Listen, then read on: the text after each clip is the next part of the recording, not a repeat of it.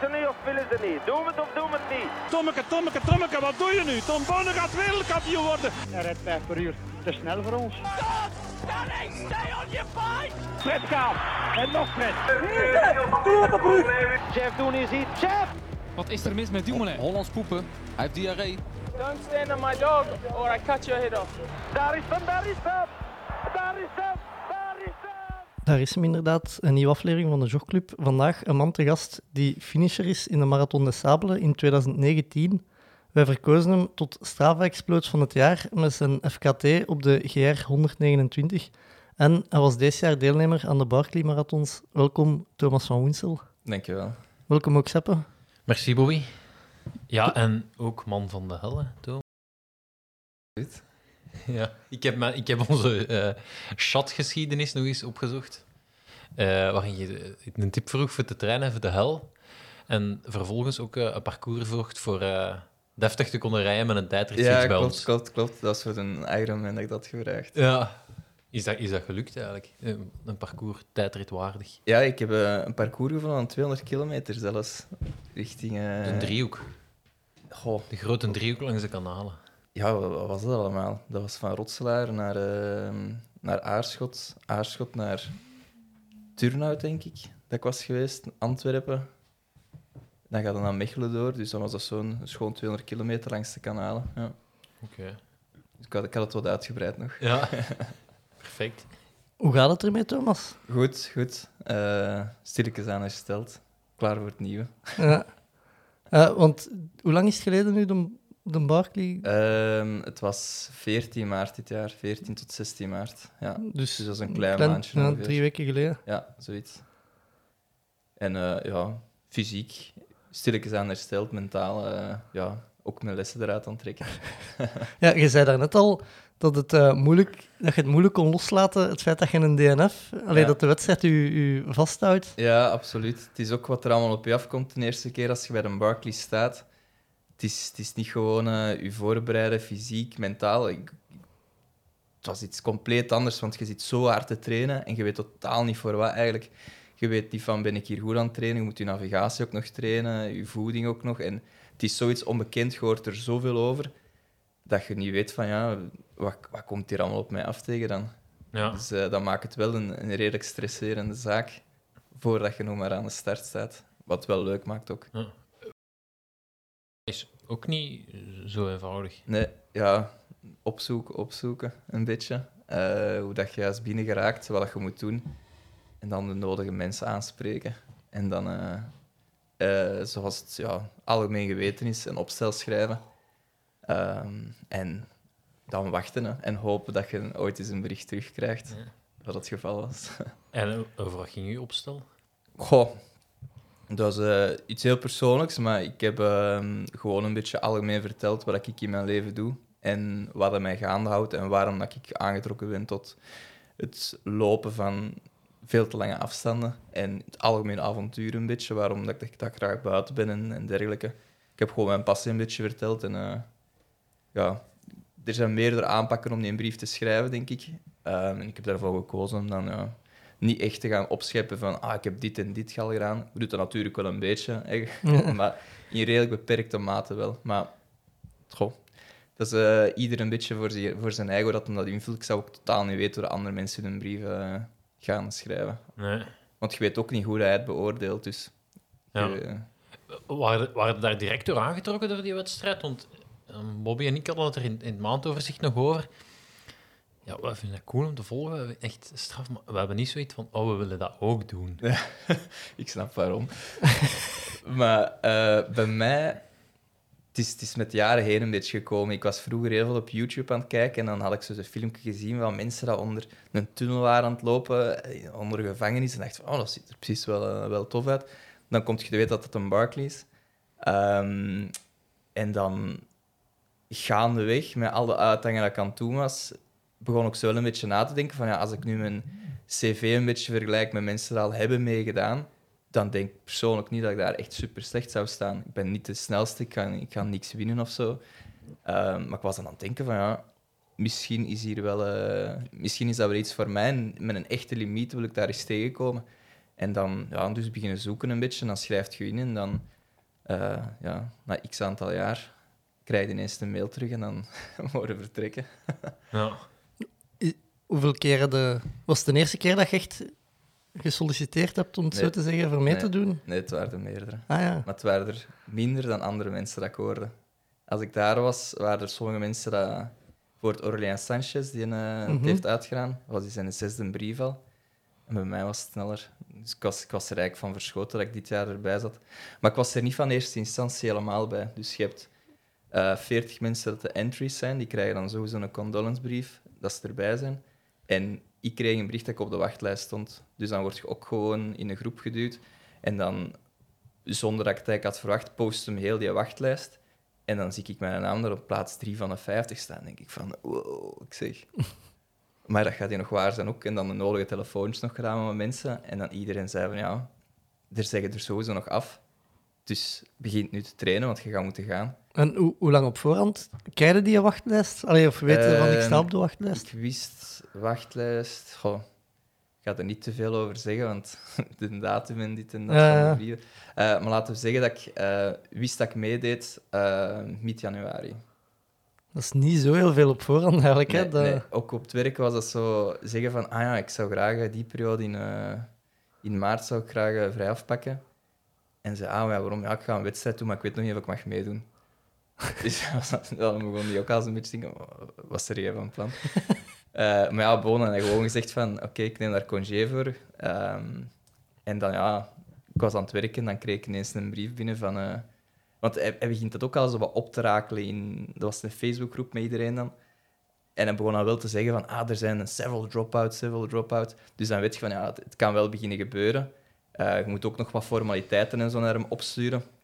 En dan krijg je ook een- van hem een mail ineens. Dus ik was, ook als ik, ik was daar zo mee obsedeerd op de deur, als ik om vier uur s'nachts wakker werd, eerst wat ik deed, Je een mail naar pakken, kijken. mail naar kijken, want ja, het is daar zes uur terug. Misschien had hij maar iets gestuurd. Ehm, en dan had hem ene keer gewoon een mail gestuurd van I've got your race materials. En, met daaronder, dat was een titel, met daaronder gewoon Did you expect more? Dan denk ik van, ja, wat, wat wil het nu zeggen? Moet, moet ik nu gaan of niet? Of wat is het probleem? Maar dus wat hem gewoon al die papieren had aangekregen, wil ik daarmee zeggen. Ja. Ehm, en dan twee dagen daarna kreeg ik dan effectief een, een brief van I'm sorry, eh, wat was het? De, de titel het was geen echte condolence, want dat krijg ik blijkbaar enkel de entries die dat initieel verkozen zijn. Maar ik kreeg een brief met iets in de zin van sorry dat ik op deze manier moet contacteren. En dan een hele reut met uit. En dan stond erbij eh, dat ik I was sentenced to, eh, to five loops at uh, Rosenet State Park. Dus eh, dat ik gestraft werd eigenlijk. Ja. En wat denkt je dan als je die een brief leest, of die mail leest? eh? Ja, dat, dat was een mega opluchting. Dat is, eh, omdat ik dan wist van ja, ik zit erbij. Ik was, ik was er al een paar maanden echt aan het refreshen als een zot op mijn, op mijn mail, omdat ik wou weten van ben ik erbij of niet. Ehm, en dan, dan begint de stress eigenlijk, hè, want dan weet je van oké, nu gaat het starten. En ik moet nu hard trainen, maar het gaat niet enkel over trainen en hoogtemeters maken, maar ik moet daar ook nog wel navigeren. Ik moet nu nog meer erover beginnen lezen, dat ik toch weet van hoe zit dat parcours hier ineen. Mhm. Ehm, dat ik er zoveel mogelijk op voorhand toch een beetje via via te weten kon komen. Ehm, want je, wilt, ja, je hoort dan ook de verhalen van ah, er is er iemand dat eh 30 uur over één lus heeft gedaan, dit en dat. En ik had geen, niet echt veel zin om zo in de geschiedenis in te gaan als iemand dat daar... Ja, zo. want je krijgt dan de kans om mee te doen, wat dan Ja, ja. 40 personen per jaar eh, de kans krijgen. En ik dacht van, ja, fantastisch. Dus ik wou die kans ook wel volledig benutten. Ehm, en dat gaat niet enkel over dan trainen. Dat gaat over veel, veel meer. Heb je met veel mensen gebabbeld?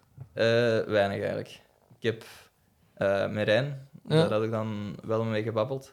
Eh Karel ook wat vragen gesteld, maar Karel is daar zo iets meer gesloten over. Eh allee, absoluut niks, eh, niks slechts over, maar die heeft wel de nodige vragen beantwoord. Maar ik denk vooral met Barkley... Zo maar ja en nee. zo, zo was het niet. Maar, maar ik denk met Barkley dat het er ook om gaat dat je het avontuur gewoon aangaat. En ik wou ook het zo aanpakken om zelf veel dingen te gaan Ja. opzoeken. En het avontuur op mijn eigen te laten afkomen. Ik denk als alles voorgekoud wordt voor u, dat je er ook heel weinig uit gaat leren de eerste keer dat je deelneemt. De eerste keer dat je deelneemt, het is, je kunt het parcours ook pas kennen als je het effectief hebt gedaan. En dat maakt voor mij zoiets van, ja, oké, ik ga me hier gewoon goed op voorbereiden. Ik zorg dat ik goed kan navigeren. En de rest, ja, zien we daar wel. Ik had de nodige info wel, maar van het parcours, en waar dat die boeken lagen, de beschrijvingen en zo ervan, absoluut geen idee. Daar had ik Ja. niks idee van. Dus daar ben ik een paar uur op voorhand pas te weten Ja. gekomen. ja, dat is echt geen... Dat ik zeg... ja, dat is, daarom zegt het mij niks. Omdat je... je ja, je gaat een wedstrijd doen, maar je weet eigenlijk niet goed wat het is. Je weet Nee. niet hoe je moet trainen. Je weet... En, Nee. eh, ja, dat moet... Allee, ik, het mag zo zwaar zijn als het wilt, maar ik moet weten, ah ja, het is zo, zo lang aan dat en dat. Ja, zo is het absoluut niet. Plus inderdaad het, het, het navigeren. Hè. Je moet, Ja, als dat je navigeren... en- dan zijn je verloren. Ja, ja het is, qua navigatie is het echt moeilijk, want ook zijn beschrijvingen... Ik had dan... ehm, de start is tussen middernacht en middag. En om, ze- om, om 17 uur, de dag ervoor, kregen wij dus de map en de beschrijvingen. Maar die beschrijvingen, ik had dat nog nooit van mijn leven gezien. Dat zijn gewoon A4-papieren, gewoon vol, volle tekst. Met van, ah ja, dan moet je naar daar gaan, dan naar daar, dan naar daar. En dan lees je die omschrijvingen van de, van de boeken en dan is dat bijvoorbeeld van ja, dan kom je daar op die top, dan gaat je een boom zien, die is 30 centimeter neergebroken van de grond naar het westen toe. Als je daar staat, moet je naar het 60 feet naar het noorden gaan, dan zie je daar drie stenen en dan moet je daar weer naar links kijken, dan zie je twee holle bomen, onder de rechter holle boom ligt dat. Maar dan denk je van ja, hoe ga ik dat hier ooit allemaal... Dat, dat, is, dat is echt... Die boeken liggen echt soms heel goed verstopt. Die liggen echt... Dat je denkt van... Allee, er zijn er sommige die redelijk oké zijn, maar dan soms dat je aan een, aan een kreeksje staat en denkt van, zit ik hier aan de juiste kreek, dat is al het eerste. Bleek dat dan wel te kloppen, maar dan ligt dat echt onder een steen, helemaal ergens onder geduwd. Ehm, allee, dat je denkt van, hoe kom ik... Allee, als, als ik niet bij veterans was op dat moment, had ik daar heel veel tijd, denk ik, eh, verloren.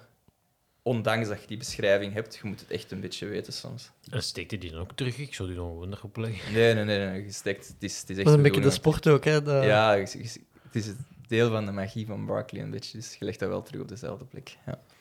Hoe- begin je daaraan leren navigeren? Ehm, Geocachen? ja, goh, hoe heb ik dat... Ik kon dat wel al een beetje, want ik, had, ik heb vroeger ehm, een paar jaar terug met Kamp Waas geprobeerd. En dan moest ik selectiedagen doen met navigeren. Dan was ik bij een, maat geweest dat een para was. En eh, ik zeg, kom aan, leert me dat. En dan gewoon naar het bos gegaan. Maar wat ik nu had gedaan, ehm, er was bij mij een bos in de buurt met ook zo wat veel beekjes, eh, re- redelijk ruw terrein, veel op en neer en zo wat van die richels. Ehm, en dan maakte ik gewoon zelf een parcours, want ik, ik kende dat absoluut niet, dat bos. En ik maakte gewoon zelf een parcours van die top naar die top, die graad volgen.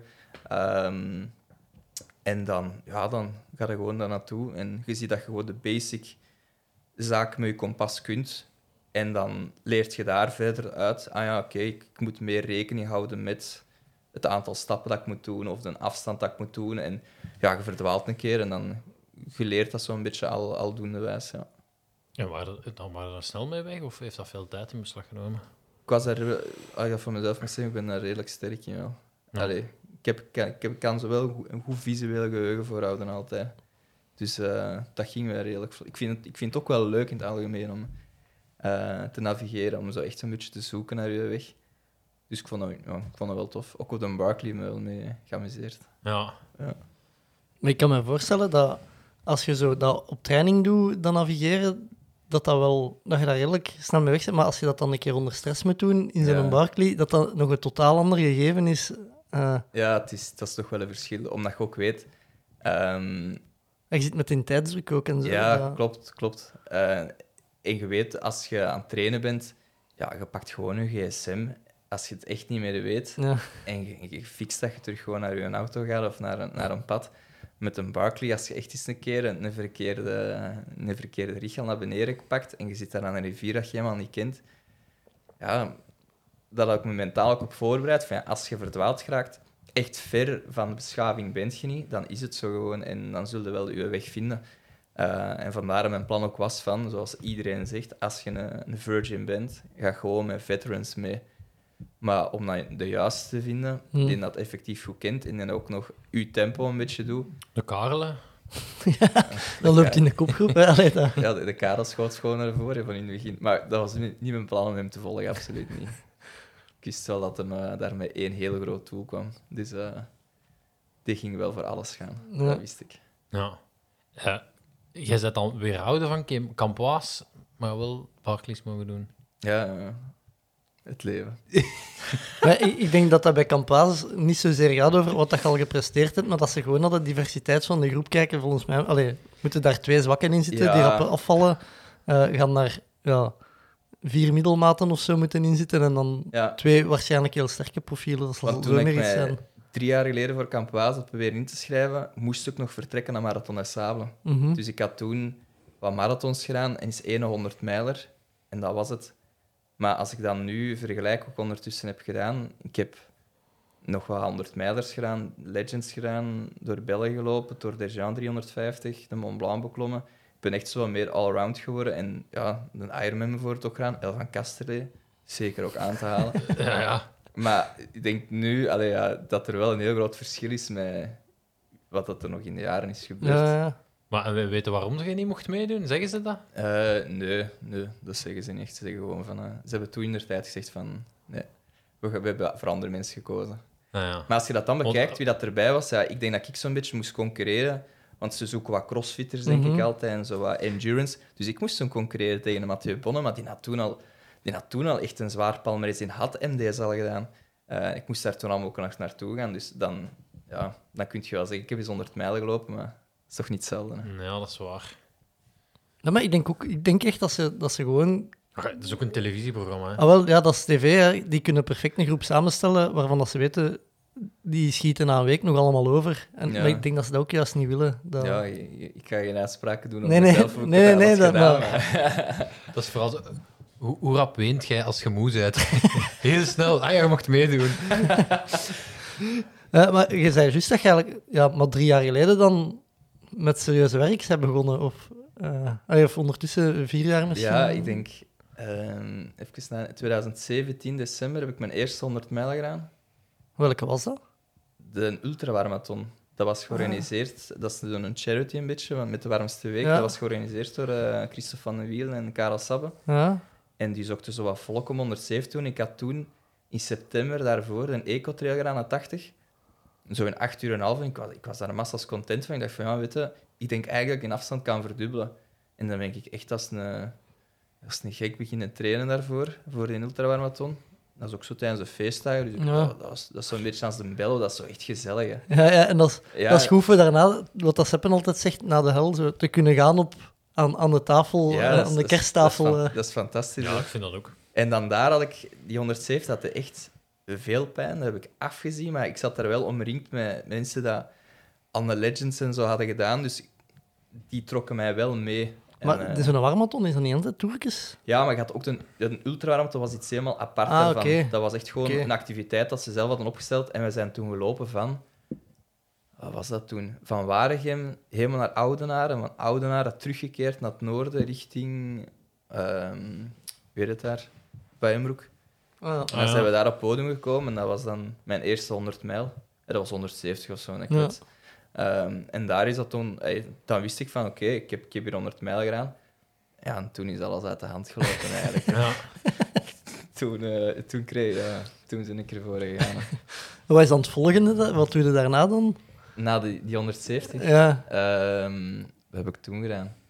Toen was ik aan het denken om de UTMB te doen, maar dan was ik er niet bij en had de maat gezegd, zeg, er is eh, hier in de Alpen ook iets gelijkaardig op dezelfde moment, de Swiss Peaks 170. ah, ja. Ik zeg, ah ja, de bergen. Ik zeg, daar ben ik fan van. Ik zeg, eh, we schrijven ons in. Hè. Maar dan echt, mijn eerste ultra in de bergen, dat, is dan, dat was 11.000 meter stijgen. En echt mijn peren gezien tot en met, daar heb ik gehallucineerd, dat ook geen naam meer had. Dat was op een gegeven moment ook tijdens mijn tweede nacht daar. Ik heb in totaal 46 uur over gedaan, en ik had een uur en een kwartier geslapen in totaal. Tijdens mijn tweede nacht zag ik een, een handschoen op pad liggen. Dus ik dacht van, ik ga dat meepakken voor de organisatie en kan ik dat afgeven, want ja, als je het verliest, dat is niet tof. Na 500 meter raakte ik te beseffen dat dat helemaal geen handschoen, eh, dat geen handschoen was, maar dat ik gewoon een steen aan het meezellen. dat ik dacht van, wat is dat hier allemaal? En dan, dan, dan denk ik toch wel van, oké, nu, nu zit ik toch wel diep aan het gaan. Maar... En dan, Chance dat je die niet wou aandoen. Ja, ja dat, dat is een hele moeilijke geweest. Maar toen had ik mij ondertussen ook al ingeschreven voor de Legends 260. En tijdens de Swiss Peaks was ik echt aan het denken van... Is dat eigenlijk echt... Is dat, is dat wel een goed idee dat ik, mij ga in- dat ik mee ga doen aan de Legends? Want dat is nog meer slaapdeprivatie, dat is nog langer, dat is nog... dit en dat. Maar dan, ja, Ja, dat is nog 20 uur meer of zo, denk ik. ja ik heb daar 63 euro gedaan. Ik heb een uur geslapen toen, zoiets was het. Eh, maar het mooie is dat je lichaam en je geest de pijn vergeet en houdt enkel die euforie nog over van wat je hebt gedaan. En dan, eh, ja, dan stond ik daar toen in februari met de Legends. En dat had ik wel van gehoord. Als je dat kunt doen, dan kun je echt heel veel wedstrijden uitdoen. Want dat is zo'n ja, technische wedstrijd is dat niet, maar het is gewoon een heel moeilijke wedstrijd met navigeren ook. En eh, het feit dat ze je echt drie nachten laten lopen, als je op een vrijdagavond laten starten. Ehm, en ja, dat was, dan, dat was dan ook gelukt. En dan beginnen we verder en verder te kijken altijd. Ja. Afvinken alles. Ja. Ja, ik vind het zot daarnet dat je zei, voordat we waren beginnen opnemen, eh, dat de Legends dat dat de enigste wedstrijd is waarvan dat je altijd eh, terug warm krijgt of zo, om, omdat Ja. je niet, niet zeker bent dat je hem gaat kunnen finishen. Ja, dat, dat, is, dat is echt... Daar eh, gaan we nu terug inschrijven, denk ik. Ja.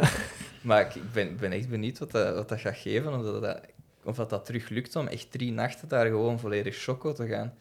Ik was dan met, met Frank Gielen. Ja, twee Frank de Tank, Ja, ja. De eerste nacht heb ik die niet gezien, maar de tweede nacht kwam hij wel bij ons. En in de derde nacht... Wij waren toen met Frank Gielen en Matthias Pelgrims. En Chantal dat Matthias nog goed kan navigeren. Want ik, heb daar, ik, ik kon daar niks meer. Ik, allee, ik, ik kon nog lopen, mijn benen deden alles. Maar ik wist totaal niet wat ben ik hier aan het doen. Ik moest soms vijf minuten nadenken om te beseffen, ah, ik ben hier aan de Legends bezig. Ik dacht de hele tijd van, ik moet- ik ben hier een pakje aan het bezorgen of dit of dat. Ik was, ik was compleet choco. Je steen. Ja, maar ja, dat, dat, dat is zo'n zo'n tafereel waar dat. Maar het feit dat ik zo die steen had meegemaakt in Zwitserland, maakte dat die Legends met dat hallucineren, ik dacht van, goed, deze is normaal. Ik besef dat ik aan het hallucineren ben, dus ik ben nog niet te ver. Maar deze hoort er gewoon bij. En als je benen het nog doen, je kunt blijven eten, drinken, ja, dan kun je gewoon doorgaan. Maar er kwam op een bepaald punt dat wij nog een marathon moesten doen. We hadden nog 15 uur tijd, dus in mijn hoofd verdween al die stress van, yes, ik, ik, kan, het, hier- ik, kan, het, ik kan het finishen. En eens dat die stress weg was, Dan begin je ja, te dan kwamen, dan kwamen er heel schoon dingen dat er allemaal niet echt waren. Maar dat was de moeite. Amai. Goed verteerd, die Legends dan? Of? Ehm, ja, eigenlijk wel. Eigenlijk wel. Dat is, dat is echt een boost geweest toen voor mijn eigen van... Oké, nu, nu, allee, nu kan ik echt nog, nog zotter dingen gaan doen. En dan, dan kwam een tor in mijn... eh, Nee, echt, een tor heb ik toen nog niet. Toen had ik ineens het idee van, ja, ik moet hier nog iets anders gaan doen. Maar toen was COVID, want het was februari 2020 dat ik Ah, ehm, de Legends heb gedaan. Dus een maand nadien was het dan lockdown. En dan begin je zo'n beetje na te denken van ja, wat ga ik allemaal doen? En dan heb ik zo eens een keer alle straat van Leuven gedaan. Een schone ja. straat. Je, je hebt die... In de voorbereiding gezet, ja. zo'n print gegeven van Ja. de voorbereiding gezet. Mensen doen dat met de fiets normaal, maar... Ja, maar dat was ook tijdens COVID. Er was niks. En ik dacht van ja, pff, eigenlijk is het helemaal autoluun. Ik dacht, ja, als ik zoiets wil doen, dan zal ik dat wel doen. En ik wist niet hoeveel kilometer dat ging zijn. Dan aan het uittekenen op Google Maps in verschillende mappen van ah, ik moet zo gaan lopen, want ik wou ook niet te veel dubbel gaan doen. Eh, en dan acht, dat was drie weken na de Legends, maar denk ik. En dan heb ik die straten gedaan toen. En hoe, hoe tekende dat echt helemaal uit? Want Ik heb, ja, ik heb de, map van Leuven gepakt, in acht verdeeld ongeveer. En dan echt gewoon met, met, een, met een stilo die aan het kijken is. Ah ja, ik kan eerst de ring doen en dan, ah ja, ik ga die straat doen, die straat, dan kan ik hier terugkeren. Eh, ik heb dat gewoon puur met de hand gedaan. En met zes uur geduurd toen. eh, was ik eh, een tijd er, ja. Ik ben al langer getekend als gelopen. Ja, want ik heb dat een dag op voorhand gedaan. Ik was om twee uur s'nachts pas klaar en ik, ging- ik ging om, om zes uur vertrekken. Dus ik heb dan daarvoor ook maar vier uur geslapen. Dan eh, was ik al terug onderweg naar Leuven. Maar en waarom Leuven? ja, Leuven is wel dankbaar omdat dat, omdat dat veel straatjes heeft. En dat is ook een schoon tekening op, op, Ja, op het- Strava. Ja, ik was aan het denken aan Mechelen of Leuven, want dat is echt een ring. Dus dat is echt mooi. Als je dat in Gent doet, is dat Mhm, moeilijker, ja. denk ik. Ehm, en vandaar, ik dacht, ah, dan is dat mooi omvangen door de ring. En ja, Leuven, ik heb daar gestudeerd. Dus eh zo mooie herinnering nog eens opgehaald. En Ja. toch mooie straat ook leren kennen, dat ik nog nooit had gezien. Ja. Na daar zes jaar hebben we rondgelopen. Dus dat maakte voor mij van Leuven, oké, ik wil dat doen. En er was twee maten van mij woonden in Leuven en die kwamen dan soms met een cola eens een keer. Dat Zalig. was, die kwamen met de fietsen wat meedoen. En ik dacht van, oké, dat is wel leuk. Ja. Ja, ik, ik ben eens aan Eren begonnen. Met de Maar- fiets, hè? Ja, met de fiets. Veel te veel wegjes. En ja, ik had, ik had dat niet voorbereid. Dus ik, de- ik had gewoon opgezocht, ik ga eerst de contouren rijden. Dan heb ik die al. Ja. En dan... Maar ik werd daar echt zot van, want je rijdt een wijk binnen en je denkt, ja, wat is nu Allee, je dat zijn allemaal hoekjes, maar je denkt, ja, ik... Hoe gaat je dat het beste doen Hoe zonder te veel dubbel ja, te doen? En dan, maar dat, dat gaat niet. En dan Nee. zit de dubbel aan het rijden Ja. en dan worden... Ik had hetzelfde met de bondgenoten gedaan in Leuven, dat ik zo niet wist van hoe ga ik dat eigenlijk doen. En dan was dat ook... eh, ik had dan bepaalde symbolen ook op mijn map staan, dat ik wist, ah, hier moet ik naar het uiteinde lopen en nu moet ik teruglopen. Maar als je zo al 70 kilometer hebt gedaan, het was die dag ook redelijk warm. Dus ik was, zo, eh, ik was op het einde van mijn Latijn en als je dan zo nog... Ah, ik moet hier weer heen en weer in deze straat. Dat, was, eh, dat waren moeilijke momentjes wel, maar het is voor de Strava. Ja, maar het, het, leuke, ik, het leuke vond ik wel dat je, je komt in, op, op straten waar anders niet komt. En een doodlopende straat gaat in en is, blijkt vaak nog, nog schoon te zijn. Ja, ja, absoluut. En inderdaad, ja, bij mij was dat ook. Ik was nooit ver van huis, dus je reed eens langs huis, je had een boterham en Ja, je deed voilà. verder. Ja. Dus dat, dat, dat, dat had wel iets, ja. Ja, dat was, dat was wel... En zo... Ja, dat was een goede training van 35 kilometer dat ik toen een dag heb gedaan. Dus dat was wel een leuke COVID-invulling. Ja, Had dat veel hoogtemeters in Leuven? Ja, dat was ook eigenlijk wel een heel goede mop. Ik was aan de Abdij Keizersberg. Ja. En, eh, Dat is hier vlakbij. Ja, ik was... Hoe zat het? Ik was juist de ring aan het doen en ik ging dan aan de wijnpers naar beneden, maar ik had me daarvoor nog aan een bankje ergens gezet aan de ring. En ik had daar mijn horloge op stop gezet. Dus ik was toen de wijnpers naar beneden gegaan en ik ging juist aan Arenberg terug naar boven beginnen, totdat ik ineens merkte dat ik mijn horloge terug had aangezet. Jezus. Dus terug die Arenberg, terug naar boven, naar, die onnozel, naar dat onnozel bankje, opgezet, terug heel die wijnpersstraten gedaan. Ik dacht van, allee, dat is toch weer typisch dat, dat ik dit punt dan niet... En je ziet dat ook op die map, dat er zo één rechte lijn staat, en dan zie je dat van dat bankje. Ah ja, ik zie het ja, inderdaad. voilà. En daar ben ik dus... eh, heb ik opnieuw mogen doen. Eh, check eens, Bobby, of hem de verborgen trail heeft gedaan aan de ring.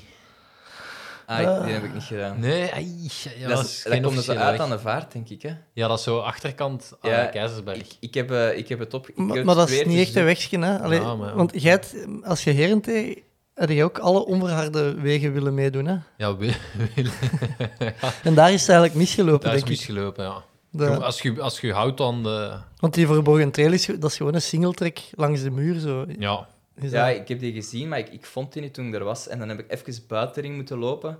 Eh, en dan kwam ik terug uit aan de vaart in het Ja. noorden. Eh, het was juist in het begin dacht ik, van, ik kan niet die ring al niet eens lopen. Dacht, Ah ja, maar dat, dat, daar moet je niet, dat Nee, dat- stuk ring moet je niet Maar je komen. kunt daar wel aan de rechterkant houden. En dan kun je zo uitkomen aan de... Ja, dat onder, ja dat, is onder, dat is dat fietspad dat hierboven vertrekt. Ja. En dat uitkomt aan de vaart, komt Ja, maar ik, inderdaad. ik, ik vond maar dat... ze- toen, toen lag dat fietspad er nog niet. Voilà, ik zat toen met het probleem van... En ik had op Google Maps zo aan het zien, ah ja, hier is precies een pad. Maar dan kom je effectief aan de ring. Ik had dan ook geen zin om dan... Ja, Maar als dat is, loper even op dat de is, langs de ring is daar een, was daar toen een trap. Dat, ja. Die een trap zocht ik, Ja. maar die heb ik niet gevonden. En dan sommige werken, eh, sommige werken die hielden mij een beetje tegen om sommige straten te doen. Dan heb ik ook gevraagd, van, ik zeg, ik ben hier bezig met al die straten af te lopen. Ik had echt bijna alles gedaan. En, ja, nee, we zijn hier aan het werken en je mocht hier niet binnen. En eh, ook bijvoorbeeld de Ah, en zo. De Ja. Kruidtuin heb ik een paar, straat, eh, een paar dingetjes samen. Daar ging ik zot zijn gewoon als ik echt alles had gedaan. Ja. Maar in het algemeen, eh, ik denk 97% staat er wel op. Ik heb, eh, Ja. ik heb- Mooi. Ja, dat was wel leuk. Dan eh, het hoogtepunt van de coronaperiode, vermoed ik. eh uw, uw GR. eh. Ja, klopt.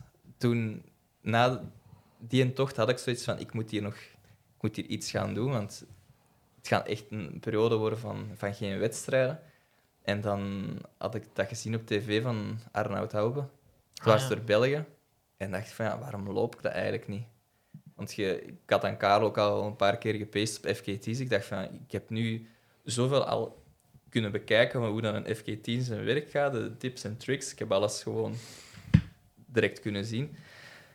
En dan, ja, dan kwam het idee, de, de G129, Brussel, eh, Brugge naar eh Arlon, zeker? Arlon. Ja, met een, de nodige uitwijkingen Ja, want de dat is, hoeveel keer? 500 kilometer? 561. Ja. Ik, zou niet, ik snap niet dat België zo... ja, dat is wel straf dat eh, dat kan. Maar dat het is was nog ook... een redelijk rechte lijn of zo. Het is niet, Het is- dat, je, ja, het is niet dat je de hele tijd op en af zit Nee, te nee, nee, nee, nee, dat, dat valt wel echt goed mee. Maar het was organisatorisch wel een moeilijke, omdat er toen nog de, de regel was dat je max met vijf mensen buiten mocht Ah, gezien ja. worden. En was de avondklok er al toen? Avondklok was er ook, dus ik mocht Ja. van 22 uur tot 5 uur niet buiten. Maar dat wou ik eventueel wel zo wat omzeilen. Nee, het was van 12 uur s'nachts tot 5 uur. Zo Ja. was het. Ehm, dat kon ik eventueel wel omzeilen. Ik dacht, ja, eens dat ik in de Ardennen zit, in de bossen, ik zeg, laat staan dat er daar ergens een flik gaat staan om mij te zeggen van, eh, wat doe jij hier eigenlijk? Dus mijn idee was wel van, als ik hier die laatste nachten moet doorduwen, dan ga ik dat gewoon doen. Maar ja, de, de GR is echt uitgedraaid op een heel pijnlijke, pijnlijke, pijnlijke tocht. Ja? Ja, dat is echt verschrikkelijk. Want ik las in, in het kantartikel, lag uw eerste dag 130 kilometer en toen hadden we nog een goede dag. Hè? Allee, ja, dat- ik- dat, was, dat was ook het plan. Mijn eerste, eerste dag stond gepland op 140. Ehm, omdat ik ook wist, het eerste deel is vlak. Dat had ik ook verkend. Dat, was in, dat, is, dat is gewoon van Brugge, allemaal door, het, eh, door de weides, links, rechts, links, rechts, links, rechts, heel een tijd. En zo aan molens passeren. Dus ik dacht van ja, als ik hier gewoon vroeg start en in de eerste dag veel kan afvinken van kilometers, dat gaat ook mentaal wel goed doen. Dat ik direct 130, 140 van een 500 al heb gedaan op één dag. En eens dat steiler gaat beginnen worden in de Ardennen, dat ik daar dan gewoon wat, wat kan vertragen, want ja, het tempo gaat ook sowieso minderen.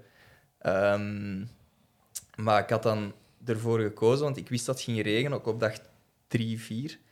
Ik had, ik had veel teenkousen bij, maar dat zijn echt goede tegen de, tegen de regen. En dat ik die toch regelmatig kon vervangen.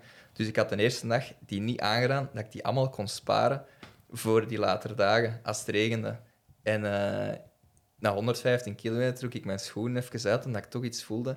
En mijn twee grote tenen, tussen mijn tenen, stonden echt daarin gewoon een extra teen aan van blij. Was, dat was verschrikkelijk. Dus dan, dan terug in die schoenen te geraken, dat had echt pijn. Ik had die dan los eh, opengeprikt, dat dat vocht eruit kon. Maar dat, dat, dat, was, ik zie dat die naald gewoon nog in mijn, in voet stak. Ik had daar echt heel veel zeer van. eh, maar nog wel doorgaan op de tweede dag. Komt op het moment dat je eigenlijk zou moeten doordoen, want dat is, dat sowieso de moeilijkste dag, omdat je lichaam er moet aan beginnen wennen van. Je zit hier elke dag veel kilometers aan het doen. Maar ik had dan ook niet, niet super, super goed gegeten. De eerste dag wel oké, maar te weinig gewoon om echt een tweede dag echt goed te duwen. En mijn voeten kwamen daarbij, die echt het heel hard aan het uithangen waren. Ehm, ja, en dan heb ik maar een dag van 60 kilometer toen. En ik was, ik was compleet op. Ze, zijn, ze hebben er heel schoon foto's van genomen. Maar ik, Dag twee, jongens. ja, en dan, dan heb je 200 kilometer achter rug. En eh, dan heeft de crew een beetje voor mij toen beslist van... Ik ga gewoon... Allee, want ik was echt aan het denken om een handdoek in de ring te smijten. Dat, dat, lag- dat was heel dichtbij. Eh, ook mijn ouders waren daar toen. En ja, dan wordt ze de drempel nog wel lager, omdat je weet van... Ah ja, ik kan eigenlijk gewoon met die in de springen. Die doen me wel naar huis. Ehm, maar begonnen dan gewoon beslist van... Boek een hotel. Ik ga daar fatsoenlijk slapen, want ik was ook echt gewoon moe. Dat was niet de slimste om om vijf uur s'nachts te vertrekken de eerste dag. Maar ik dacht van ja, zo kan ik wel een goede lange dag doen. Maar achteraf gezien heb ik dat ook anders aangepakt. Had ik later vertrokken. Maar dus je zoals slaapdeprivatie te krijgen al na 48 uur. Eh, maar dan geslapen op restaurant, veel eh, op hotel, veel gegeten dan. Ehm, en dan een dag nadien terug vertrokken. En dan je daar om, om zes uur s ochtends in zo'n weide. Het was aan het regenen nog. En eh, er was één maat bij mij. eh, en die zei van ja, ik kwam nog even mee. Mijn voeten die deden zoveel pijn. Dat was, dat was echt zo aan het stoken, die blijnen. Ehm, en ze begint zo wat te wandelen, maar dat, ik had daar zoveel pijn, want ik echt aan het schreeuwen was om zes uur s ochtends in een, in een nozele weide. En elke keer zegt oké, ik kan, kan nog eens even proberen. En dan even terug doorgewandeld en dan terug stoppen met echt veel pijn. Dat ik het echt beu was en dat ik daar stond zo tussen mijn stokken van, ik heb echt pijn. Ik weet, hoe moet ik hier nog 360 kilometer op doen? En dan eh, heb ik gewoon gezegd, ik kan nog één keer proberen. En ineens ging dat weg. En ineens was die pijn was het er niet meer en dan de benen waren er. En ondanks het regende begon ik terug zo mijn, mijn moment wel te vinden. Dan dacht ik van, oké, vanaf nu stop ik niet meer. Nu, Ja. is, nu is het helemaal tot einde. En dan, ik had toen ook een vriendin die spoedarts was. Ik had die ook al gestuurd van, "Se- schrijf me antibiotica voor, voor, eh, voor haatinfecties. En dan eh, was er een schone melange van eh, wat afvalgan en van ja, antibiotica. maar ja, met die dingen was ik dan bezig. En mijn voeten beter ook elke dag, want ik was goed aan het intapen. Dat ik met de Legends dan weer geleerd. Eh, ik was die goed aan het intapen. Ik maakte die ochtends ehm, en s'avonds een keer leeg, dat al dat vocht eruit was. En elke dag beter dat wel. Ehm, maar ja, dan na 3, 4, 500 kilometer dan komen er weer andere dingen. Dan raakte mijn heup ontstoken. Eh, dat ik wakker werd als ik in mijn tent lag. Want ik wou dan ook echt... Ik wou het echt all in doen. Ik wou Ja. niet op een hotel gaan slapen, wat ik dan helaas wel heb moeten doen. Maar ik wou op de trail slapen, gewoon in een tent. De Sabelmanier. eh. Ja, hè, dat had ik ook gezien en dat leek me ook het, het leukste. Als je een tocht door België doet, blijft daar gewoon op. En dat moet niet met, voor mij moest dat niet met een hele mobiel houden en dit en dat. Nee, ik wou het echt gewoon ruw hebben, een beetje. Ja. Maar ik was eerst aan het denken om het unsupported te doen. Eh, maar dan wou ik het wel nog... Allee, met vrienden was dat nog wel het leuke, natuurlijk. Eh, en ja, dan was ineens... Ik had dan gekozen voor april, omdat dat meestal wel goed weer is. En dan word ik ineens wakker uit mijn tent en ligt daar drie, vier centimeter sneeuw in Ardennen. Ik zeg, allee, hoe kan dat nu toch? Dus dan kwam er dan ook weer erom bij. En dan, ja, op den duur was ik... Ik kijk niet zo super goed terug op die tocht door België, omdat ik dat fysiek en mentaal... Ik heb daar fouten gemaakt en ik was daar echt chagrijnig, chagrijnig. En daar schaam ik me nog altijd eigenlijk om. Dat was... eh, ik, ik moest niet te veel tegen mij zeggen toen, echt voor dagen. Omdat ik zo op mijn limiet zat en ik moest echt alles eruit duwen. Eh, en ja, dat, Maar en, en de mensen gehad die stukken meegelopen hebben? En ja zo? ik, had, ik had altijd wel crew, dus ik heb, Ah. ik heb eigenlijk heel weinig alleen gelopen. Maar eh, op den duur stoor ik er mij bijvoorbeeld ook aan dat er aan mensen... Ik was aan het lopen, dat er mensen naast mij waren aan het wandelen, dat die eigenlijk mijn tempo konden wandelen. Ik, je stoort je zo aan jezelf, van ah, ik ben hier zo traag bezig. En ik had daar echt lastig mee. En allee, ik heb dan achteraf... Voor mij is GR... Ik heb dat gedaan. Ik heb niet opgegeven. En dat is mijn les dat ik eruit heb getrokken. Maar daar ga ik nooit echt te, te veel over zeggen. Maar dan heb ik ook weer... met- Ja, je trekt je les daar ook weer uit. Mhm. En je ziet hoe je dat organisatorisch hebt aangepakt. En welke fout dat je hebt gemaakt. En dan kwam voor mij het moment van... Goed, ik was ingeschreven voor een Tour de Jean. En daar wou ik dat eenmaal anders doen. En Tour de Jean heb ik echt met een grote glimlach afgewerkt. Ehm, dat, was, dat was dag en nacht verschil. Achteraf kwam ik dan ook na een Tour de Jean wat Ieren tegen, waar ik af en toe mee had gelopen. En, eh, die hadden mij dan zo, die waren, die waren wijn aan het drinken. Zo, oh, komt wat wijn met ons drinken. En ze, yeah, we remember you as the always smiling guy. En ik dacht van, oké, yes, ik heb hier echt goede lessen uitgetrokken. Maar dat was, dat was echt mega tof. Want dan was er een van die Ieren, ik kwam die dan tegen, die, die, die probeerde ze dan over te geven. Ik, ik moest daar aan breden, kaart me ik zeg, is it working, is it working?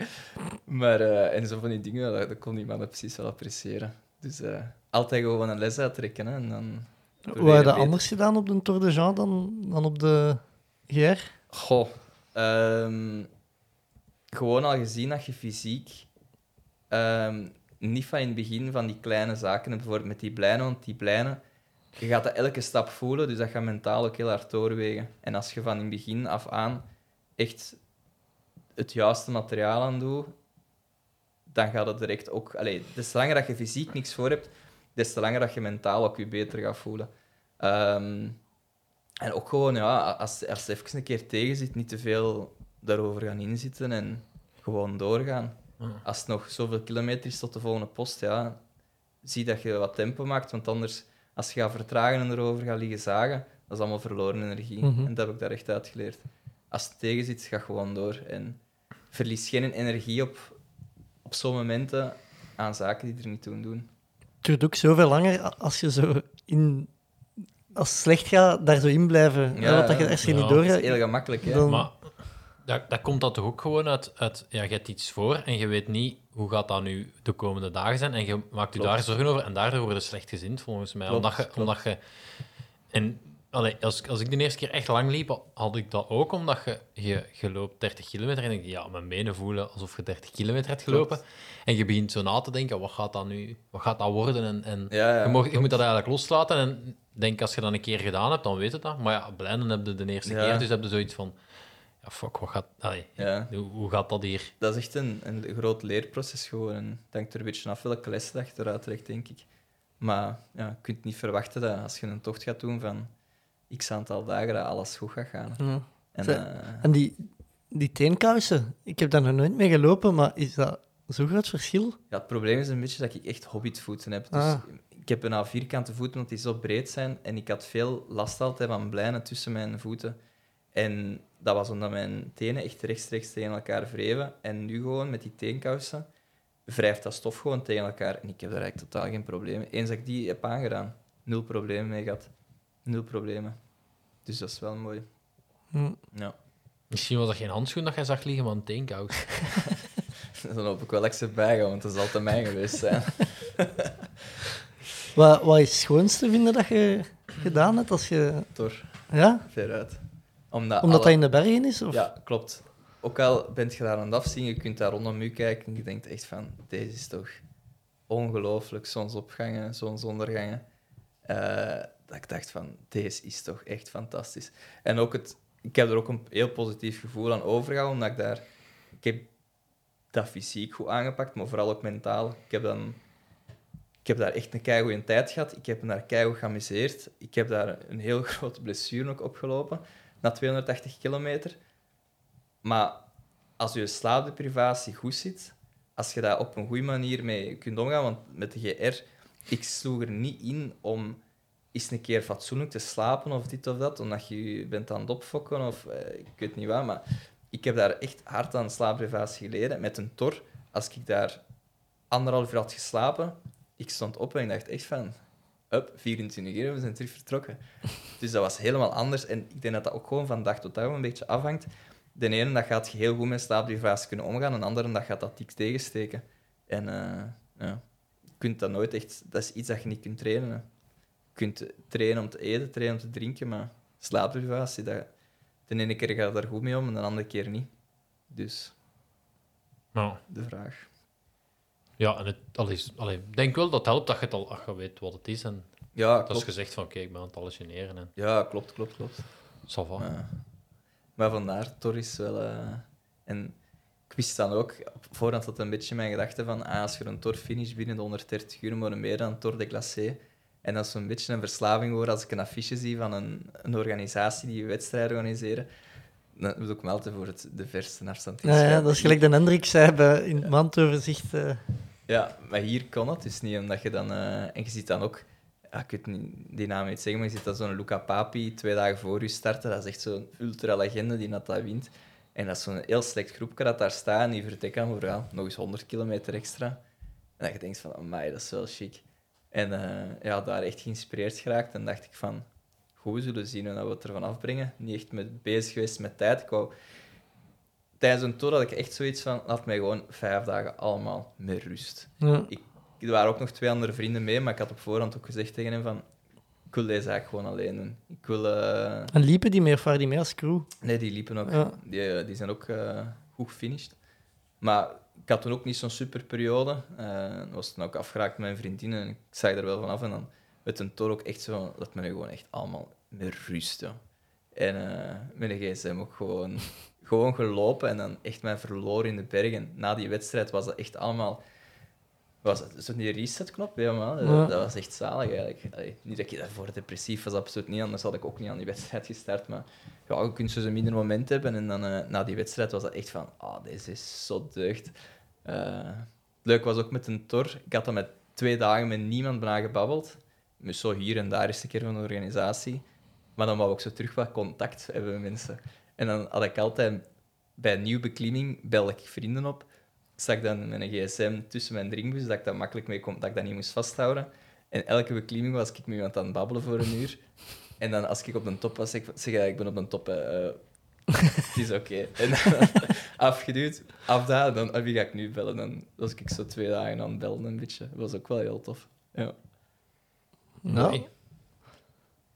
Ferm. Eh, hoe aan een tijd zijn er dan binnengekomen? Want je zei... eh, je zegt- 117 uur. heb ik erover. en hoeveel moest je hebben voor de... 130 eronder.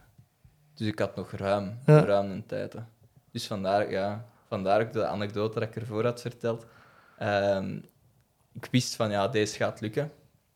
Ehm, maar ik zat op de laatste grote post. En ik was aan het denken, wanneer ga ik aankomen? Dat was dan vijf uur s'nachts, maar dan had ik eigenlijk geen goede finishfoto. Dus dan gewoon beslist om nog een uur maar te slapen in de hut. En wat, wat pasta te eten. En dan was ik... eh, ook een mooie finishfoto gehad. In ik wist toch dat het binnen was. Dus. Maar ik had een groot probleem toen. Op 270 kilometer met een tibialis anterior. Die was echt gewoon compleet stram. En dan elke keer als je moet afstijgen, dat ging perfect. Maar te halen, dat was, dat was echt een pijnlijke zaak. Dat is zo op de buitenkant van je knie, op dat knobbeltje. Nee, ah, op je schenen. Ja, op mijn schenen, zo de, de buitenste. En eh, afdalen wordt dan echt een groot Ja, probleem. omdat je een teen naar beneden moet duwen. Klopt. Dus ik was dan bij de laatste eh, eh, basecamp aangekomen en ik had dan gezegd van, ik zeg, ik heb hier pijn. En dat was een orthopedisch chirurg en hij zegt, ja, ik, ik heb mij verdiept daarin, en eh, een tapingstechniek, dit en dat. Ehm, en hij zegt van, ja, ligt hij maar op die dingen. Dus ik heb daar in slaap gevallen en ik word daar wakker met een tape van je welst. Dat was van mijn tenen tot aan mijn, onder mijn knie. Dus je ziet ook op mijn finishfoto dat dat gewoon één tape is. Maar die mens wist effectief supergoed wat hij deed, want ik kon daardoor, als ik mijn knie plooide, kon ik nog wel mijn, mijn voet bewegen. Maar als ik mijn knie gestrekt had, wat je doet tijdens naar beneden gaan, kon ik dat niet meer. Dus ik begon terug te lopen en ik had geen pijn. En ik dacht van, dat is gewoon fantastisch, zeg. Maar zelfs ook al, ondanks die pijn dat ik daar had, ik maakte me daar niet te veel druk om. Ik bleef zo in mijn moed van, ah, ik ben hier een tour aan het doen en het begint zo dichterbij te komen. Maar dan die laatste afdaling van Malatra naar beneden, dat was nog, nog 15 kilometer ongeveer, dat heb ik echt gedaan met één stap. Mijn, al lopend was dat zo nog een beetje, maar één grote stap met mijn goedbeen en mijn rechterbeen, dat is gewoon sleep, sleep, sleep. Dus daar heb ik wel nog wat tijd verloren. Maar ja, ik dacht van, het, het zei ze, maar nu gewoon aan de finish nog even. Hè. Ja. Ja, ik zie het inderdaad op, op die finishfoto. Ja. Het is al licht.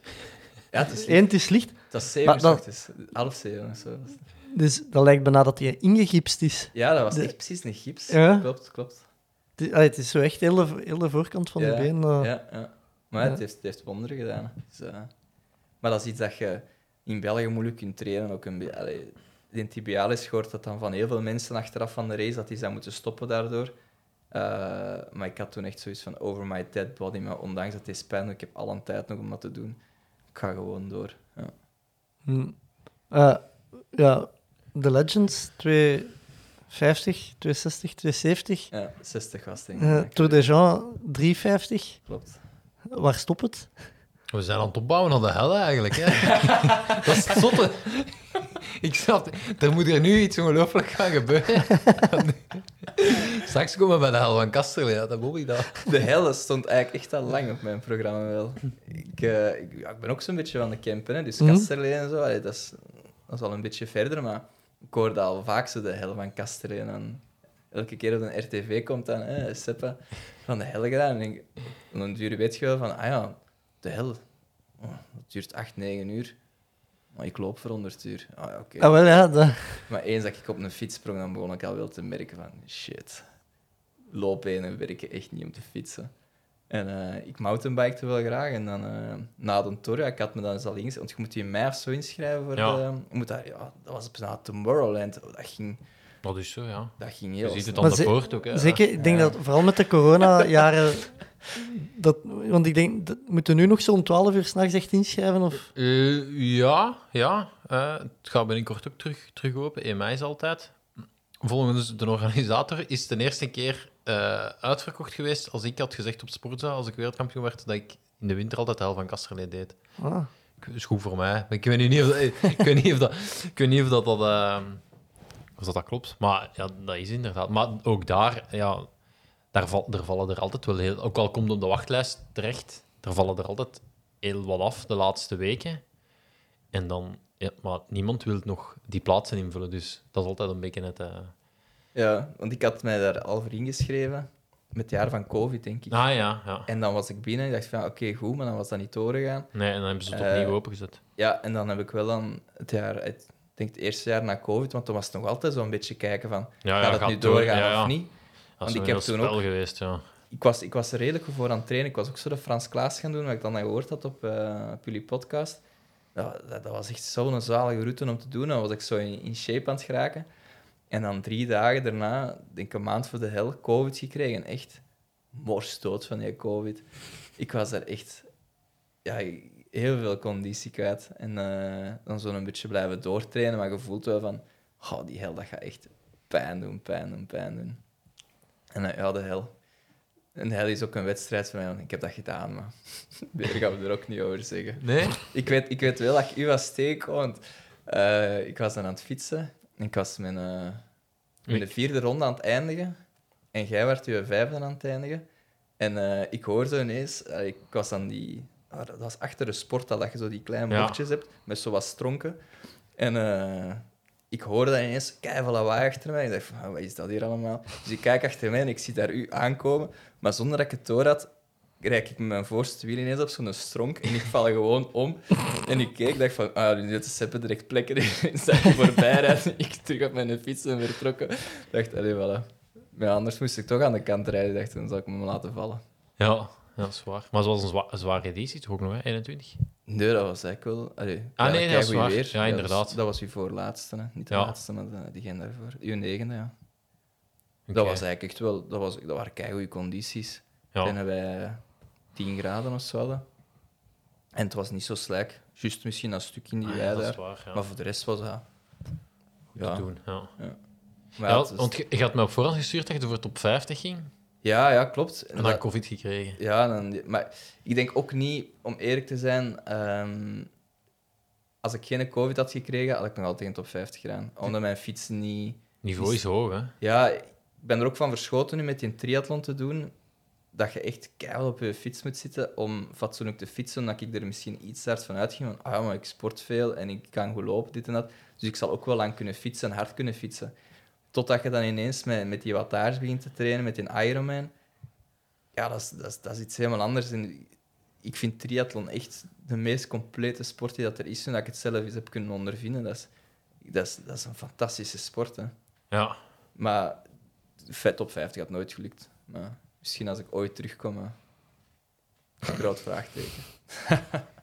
Gewoon niet. Bobby heeft hem ook gewoon eens afgevinkt. En... Ja, ik heb hem ook ooit eens... Maar jij werd wel top 50, denk ik. Hè? Ja, maar dat is wel... Dat is meer dan tien jaar geleden. Ja. Ik denk dat dat het niveau in de breedte toen nog niet zo, zo hoog was als Maar nu. nu is, dat- nu is het toch wel... Ik, ik vond het ook met lopen. Ik was dan gereserveerd aan het lopen tegen, tegen 14 per uur, die eerste tour. Maar ik kwam daar, ik kwam daar binnen... naar- niet eens in een top 100, denk ik. Nou, niemand Ah. loopt gereserveerd, hè, het eerste loop. Nee, al- ik, gewoon- ik ben het is toen... gewoon vol. Ik, ik Ja, ben toen ik voor vond- Ik dat tactiek... zot. Ja. Ik zeg, hoe rap loopt iedereen hier? Ja, dat is vol. Al, al, Ah, al maar ik, ik ben toen ook voor de tactiek gaan. Ik ga lopen, ik ga alles lopen wat ik heb, gewoon om bij snelle mannen op de fiets... Om... Ah, Ja. Ik zat bij een Nicolas Vermeulen op de Ik ben met Nicolas Vermeulen beginnen fietsen. Die is nog Belgisch kampioen op de marathon geweest, een mountainbike. Dus ik dacht, Ja. oké, een goede trein van met een wagon aantaken, dat... eh, probleem was dat ik in een goede trein zat, maar op een duur kon ik die trein ook niet meer volgen. En dan konden ze gewoon in ronde drie in Niemandsland terecht. Ah, ja. En dan eh, ronde vier was echt zoiets van, ga ik hier eigenlijk gewoon stoppen? Of, eh, ik, was, ik was echt beu op dat moment van, ah, je kunt echt zo dood zijn op een fiets. En eh, dat ik toen, maar ja, dan komt je daar weer door en dan... eh, je weet dat je er weer doorkomt. En met lopen, dat viel eigenlijk ook wel mee. Maar ik vond het jammer een beetje... Het, het parcours vind ik van de hel... ik, ben, ik ben een- liever de man van de grote lussen. Echt Mhm. in één lus dat je gewoon weg bent. En daar zo vijf keer... Ik vond het mentaal moeilijker, omdat ik dat nog nooit eigenlijk had gedaan. En je moet dat zo wel een beetje ook kunnen, denk ik. ja. Of daarop voorbereid zijn van, ah ja, oké, dit gaat vijf keer dezelfde lus zijn. En nadien nog eens een keer twee keer het loopparcours, dat toch redelijk rechte baan ook allemaal zijn. Ja. Je moet dat zo wel een beetje weten allemaal. En dat was ik toch iets minder goed in. Als, allee, Ja, een iets vijf minder is- interessant, ik zal het zo zeggen. Ja, ja, en vijf is eigenlijk, eigenlijk zijn dat grote rondes. Hè. Ja, dat, het waren redelijk dat groot. zijn rondes van iets meer dan een uur. Ja, klopt. Ja. Ja. Maar ja, de hel, allee, dat, is, dat is een fantastisch evenement ook. Hè. Eh, Maar ik vind dat zo'n dingen, ik vind dat goed, zo de hel en een Belogalico en zo, dat is niet in de mooiste omgeving of hè, dat is niet het schoonste parcours, Allee, dat is niet in de bergen of zo, ja. Maar dat is wel gewoon niet goed voor je winter door te komen. Ja, dat, dat, is, dat is super tof, want dat maakt juist dat jij als het aan het regen is van, ah ja, dat is eigenlijk nu wel gewoon met de fiets gaan rijden. Ja. Even mijn, mijn materiaal te testen, want dat moet ook goed met de hel allemaal doen. Eh, dus dat maakt het wel tof.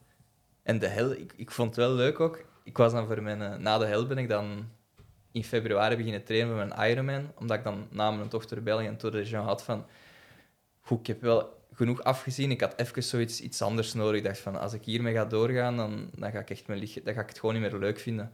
Ook, ik moest me ook niet meer op pad sturen voor 15 kilometer training te doen. Dat ik zoiets had van, eh, nee, nee, de- deze hoeft niet. Dus ik had het er even gehad. Maar dan, ik kwam dan in het zwembad soms en dan beginnen wat mensen te babbelen. En dan vroegen ze, ah, heb je allemaal gedaan? Ik zeg, eh, we gaan ook over het lopen. En ze, ah ja, en ah, ik heb ook de hel gedaan. Oh, je hebt de hel gedaan? Of van, ik van, alleen maar...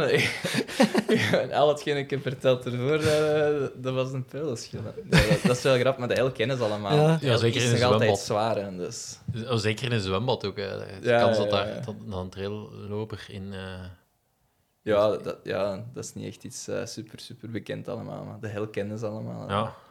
En, en dan gaat dan gaat het voor die Ironman. Maar je ging er echt wel voor. Allee, je wou, je wou sub 10 doen. Ja, ja, ja. Dus dat, dat is niet, ik wil, ik wil het gewoon uitdoen. Dat is Ja, wel echt. Ik wil, moet altijd zoiets bij mij aan vasthangen. Hè.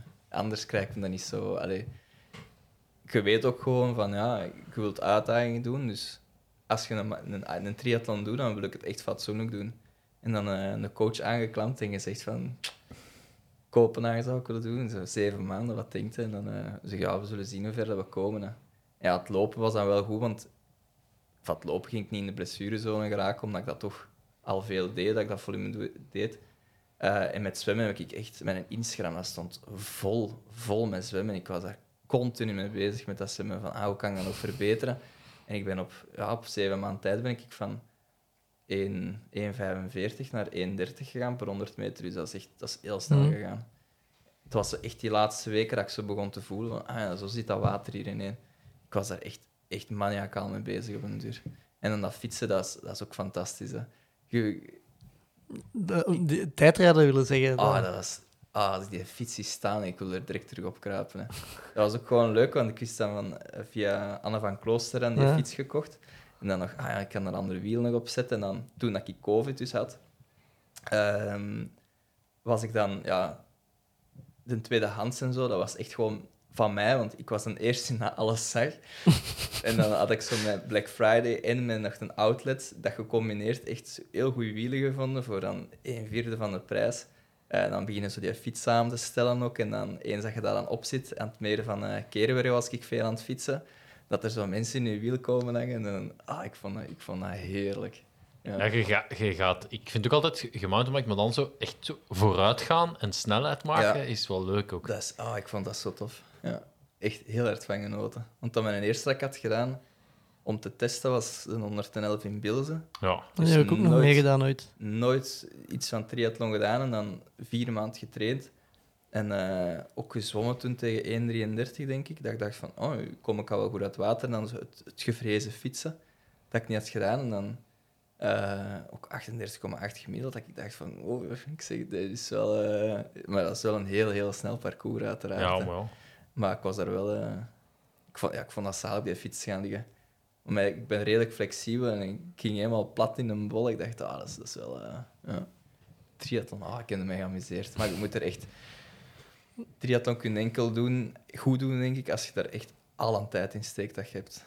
Ik heb daar echt wel voor geleefd als een, een pater, een beetje ook. Maar ik zeg dat altijd, dat de triathlon is echt een, een manier van leven. Hè? Want je, je, je moet drie sporten, eh, meestal een job ergens ingepast krijgen. Dus ja, dat, gaat, dat, dat moet echt, ja, je moet echt zo hoe, hoe ja, bij mij is dan ook altijd denken van eh, de avond ervoor, ah, wat moet ik morgen trainen? Ligt dat klaar? Ligt dat Ja, klaar? Wat ga ik doen? Hoe ga ik het? Ja, dat is, dat is, dat moet echt, ja, dat moet zo in je leven ingebouwd zijn dat je... Ja, Je kunt niet zeggen, ik ga nu, als je bijvoorbeeld gaat trainen voor een marathon, dan zeg je, ah, ik ga elke avond nu gaan lopen. Dat gaat bij triathlon niet, want je Ja. kunt niet zeggen, ik ga elke avond drie sporten gaan doen. Dus je moet dat, dat altijd ergens Klopt. er wat tussenin puzzelen. Hè? En eens dat je daarin zit, dan, dan blijf je ook daarin. Ik weet dat ik... Dat is eigenlijk echt een beetje erg en een rare anekdote. hè. Ik was met, met iemand een beetje wat bezig en die, die ging ook zo soms wat fietsen, dit en dat. Maar ja, ik moest dan vaak tegen wattages gaan trappen, dus dat ging niet altijd. En dan vroeg ze eens een keer van, ah ja, zeggen, ehm, wat moeten we morgen doen? Ik zeg, ah, ik moet, ik moet rustig fietsen.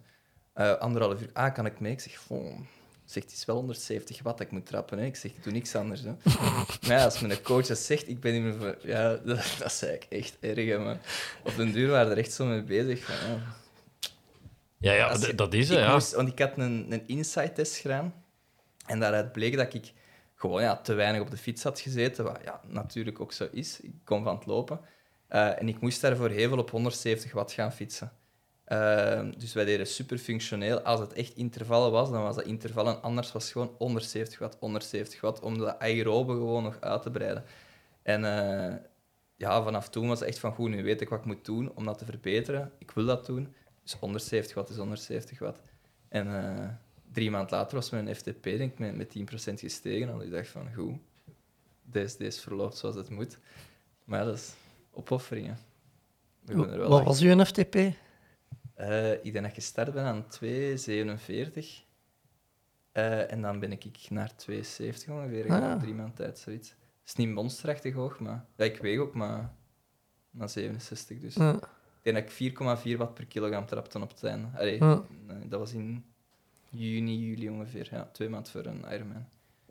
Niet me- mega slecht voor zo... eh, Nee, nee, nee. Nee, nee, zeker. Ja, en wat maar- trapte dan op je Ironman? Of op, was hij er beginnen Eh, fietsen? ik wou op mijn Ironman tussen 190 en 200 zitten. Maar ik had goede benen, maar ook niet zo de topbenen dat je zo kunt doorduwen. Dus ik had 185 denk ik ongeveer. Dus ik had, ik had liefst iets hoger gewild. Maar ik had wel ja, ik had een gemiddelde van 35,5 ongeveer. Wat, ja, op, een, op zo'n parcours met 1000 hoogtemeters, Mhm. dat ik daar wel tevreden was. Vijf, uur, vijf uur en vier minuten had ik erover gedaan. Ja. Ja. Een 59 gezwommen. 59 ja, op de kop bijna. Dat is Dat was, dat was zalig. Eens dat je naar water springt, dan, dan valt dat ineens allemaal weg. En dan je van, ah, het kan eindelijk beginnen. En dan was ik zo, ik ben dan een beetje zo heimelijk. Ik was dan aan het kijken van, ah, ja, ik kan niet eens een voeten hangen. Maar niet precies van het vertragen. En dan wat doorzwemmen, doorzwemmen, doorzwemmen, doorzwemmen. En dan, eh, ja, ik wist het. Maar ik had, het probleem was met een Ironman, ik had... Ik was in dat water gesprongen, ik had op een verkeerde knop op mijn Sunto geklikt. Dus ik had per ongeluk van batterijstand verwisseld en ik had dus niet beginnen registreren. Dus ik kwam uit het water en ik wist niet hoe lang dat ik bezig was. Maar ik wist wel, ik heb hier deftig gezwommen en ik wist dan zo ondertussen al een beetje tot het 100 uur was. Ehm, dus ik was begonnen met fietsen. Daar niet begonnen met lopen. Met lopen, ja. Ik was ook mijn, mijn zoutbidon verloren met fietsen na 10 kilometer. eh, dat ik in een put was gereden. Dus ja, ik ben een hele zoute zweter, dus ik had mijn zouten niet met lopen dik op betaald. Ehm, ik wist niet mijn totale tijd en wat bleek, ik kom over de finish na 10 uur en 1 minuut 34 seconden. En als ik daar zo die laatste 5 kilometer zo nog een beetje rekening mee had kunnen houden, had ik waarschijnlijk echt gegaan, oké, misschien moet ik kaart overgeven, subiet. het is zo, maar dan had ik echt nog doorgespuurd. Maar nu, ja, ik was, in het, ik was een beetje in het eilen aan het tasten, moet ik het zeggen. Ja. Ik wist het niet goed wat ik, eh, wat ik aan het doen was. Mijn vrienden zeiden ook, want er waren wat vrienden afgekomen naar Kopenhagen, en zeiden, hmm, het gaat niet worden, het gaat niet worden. Ik zeg, ja, ik weet het, maar ik zeg, eh, ik kan er alles nog uit doen, maar... Als Maar ik een, echt- een minuut 34 op 5 kilometer is ook wel fameus hard. Hè? Ja, dat is wel een stuk rapper lopen. Ja, maar ik was, ik was op het einde maar tegen 16 aan het gaan. Ah, ja. Dus om dan nog even een 5 0 uit te duwen, nog 2 kilometer, dat had wel gelukt, Ja. denk ik. Het is niet dat ik van een 4.30 naar een 3.45 Ja, of zo moest gaan. Ja. Eh, maar ja, bon. Dat is de enige wedstrijd waar ik mijn doel niet heb behaald en dat ik denk van, hier ben ik eigenlijk compleet oké mee. Ja, Kasterlee ook niet, hè? Top 50. Ja, ja, dat is waar. Daar ben ik ook niet content mee, dat is waar. maar eh, met, met Ironman dacht ik echt van... Ik heb mij zo geamuseerd die zeven maanden met dat trainen en daarmee bezig zijn, dat ik echt zei van... Oké, ja, 94 seconden. Het zei ze, maar ik heb het gedaan. Ja. En pakte dan iets naar? Want ja, ik, ik vind dat ook... Ja, sinds dat ik triathlon doe en zo, is dat er gewoon veel... Allee, is dat veel meer in balans of zo, qua, qua, lichaam. Ehm, terwijl, ik, ik reed vroeger koers. Ik zeg altijd, als ik, als ik moest lopen om een trein te halen, dan was ik twee dagen stijf.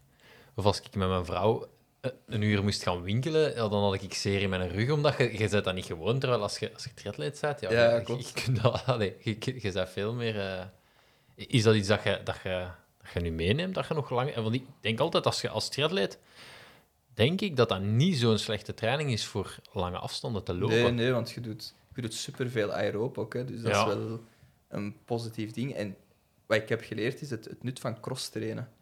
Ik zou nooit anders op een fiets zijn ge- gesprongen vroeger, wat ik nu wel doe. Omdat ik weet van, ga gewoon even fietsen en je doet je uren ook nog wel. Oké, dat is niet echt functioneel loop, maar als je een voorbereiding bezig bent van zes maanden, kun je heel gemakkelijk drie, bij het ultralopen doen dan, kun je makkelijk drie, vier maanden veel crosstraining doen en zie dat je de laatste twee maanden echt je volumes gewoon naar Mhm. boven duwt. Maar die weken daarvoor, die maanden daarvoor, blessuregewijs, is dat fantastisch om te gaan fietsen en zeker te gaan zwemmen. Ja, Nee, belasting is- laag, hè. Dat- Voilà, en Zwemmen dat heb ik daar allemaal uit geleerd. En het is met ultralopen, ik ben nooit een man geweest met echt massas kilometers om te trainen. Maar je leert daar ook nu uit van, ik moet gewoon meer functioneel gaan trainen. Stek daar een keer inderdaad versnellingen bij en doe je volumes wel in zone 1. Maar echt zo het ge- het gepolariseerd trainen, een beetje. Zone 1, zone 5. En dat hebben wij met lopen daar heel een tijd gedaan. En zo verlies je daar niet op. Ik heb daar een hele goede basis ook nu van. Maar ik merk nu wel dat zo met dat ik terug nu voor het ultra ben aan het gaan, dat dat zo wat is aan het, aan het minderen mijn tempo. Maar eh, Dat je trager wordt terug. Ja, je merkt dat wel. Maar ja, kiezen is verliezen. Ja. Ik merk dat... Ik heb nu drie maanden me op de 10 kilometer gefocust. Ah, ja. En ik denk dat ik 30 seconden rapper ben geworden, gewoon op training aan, hetzelfde, aan dezelfde intensiteit. Ja. En daarvoor ging ik alleen maar op het gemak loslopen. Allee, niet loslopen, maar op het gemak lopen. En gewoon met zo af en toe eens wat tempoblokken te doen. Je merkt dat gewoon, zeker als je dat nooit doet, wordt ineens veel sneller. Absoluut, absoluut. Je kunt eigenlijk heel veel... Ik denk in mijn, mijn eerste trailjaar dat ik heb gedaan, dat ik veel verloren... Allee, verloren wil ik niet zeggen, maar dat ik, dat ik verder had kunnen staan toen, omdat ik gewoon toen ging lopen tegen... Wat was dat? Toen ik start, 11 per uur. Maar gewoon heel het 11 per uur. Heel het 11 Ja, wel, ja, dat- Maar dat heeft me misschien ook wel geholpen, omdat ik nooit een hoge belasting heb gehad van Mhm. intervallen.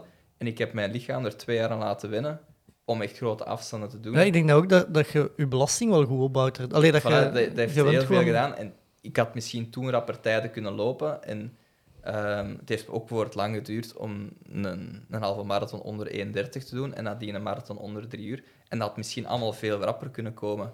Maar misschien had dat een... Ja, Dat gesukkeld, ja. ja, klopt. En nu heb ik gewoon twee jaar aan een stuk echt veel traag gelopen. En dan begon er zo wat meer snelheid in te komen die andere jaren dat ik nu bezig ben. Eh, maar mijn lichaam kan er wel af.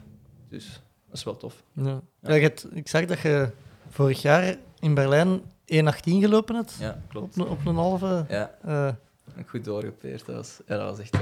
ik vind dat wel indrukwekkend als je zegt dat, dat je het in het begin moeilijk hebt met onder de 1,30 te lopen, dat je dan, eh, ja, nu eigenlijk... Ja, eens dat zo die drempel doorbroken was, was het wel van... Oké, nu, eh, nu kan ik ermee... Ja. eh, Ik weet dat ik het kan en dan gaat het zo ineens naar 1,20 en zo. Dat is wel, dat is wel tof. Ja. en wat je eigenlijk gedaan voordat je bent beginnen ultralopen? Want je zei al dat je zo wat marathons gelopen hebt en zo. Ja, ik, ik had... ehm, hoe is dat? Ik, toen ik 17 was, heb ik, eh, had ik een, een maat in de elk jaar een dolentocht mee. Ja. Dus ik dacht van, ah, een dolentocht, zeg, pff, 100 kilometer wandelen, dat, dat gaat geen pijn doen. Hè.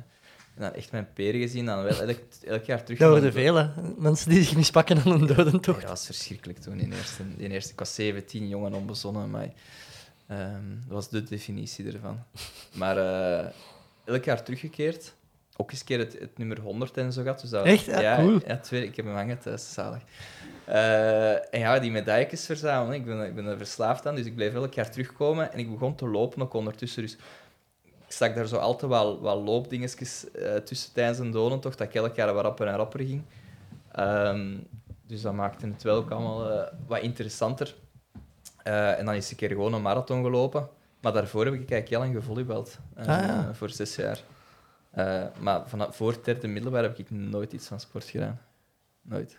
Dat is straf. Ik speelde wel veel in de tuin en zo. En ik ging wat fietsen, dit en dat. Maar niet echt zoiets niet competitief. Dat zei me echt niks. En dan gestart met volleybal. En dan, toen ik in de NIF terecht kwam, is dat dan geminderd. Omdat ik me dan wou focussen op mijn studies ook vooral. En niet meer de verplaatsing wou doen om dan te gaan volleyballen. Ehm, ook gewoon mijn, mijn ziel ingestoken in volleybal. En dan na de jeugd was dat zoiets van, ja, eigenlijk is het wel oké geweest zo. Ehm, ja, en dan beginnen lopen in uh, Heverlee.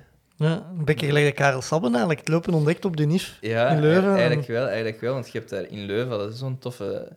eh nu moet ik heel even gaan... Als je, weet je kasteel daar niet meer? Het kasteel van Arenberg. Voilà, Arenberg. Dan kun je daar oversteken. Ja, het Tijlenpad. Ja, het Tijlenpad, voilà. En daar alles leren kennen. En dan dacht ik van, oh, dat is wel tof hier zo, 12 kilometer gaan trailen. Dan kwam ik ineens Bertum, eh, in Bertum terecht. Ook super, super schone bossen allemaal.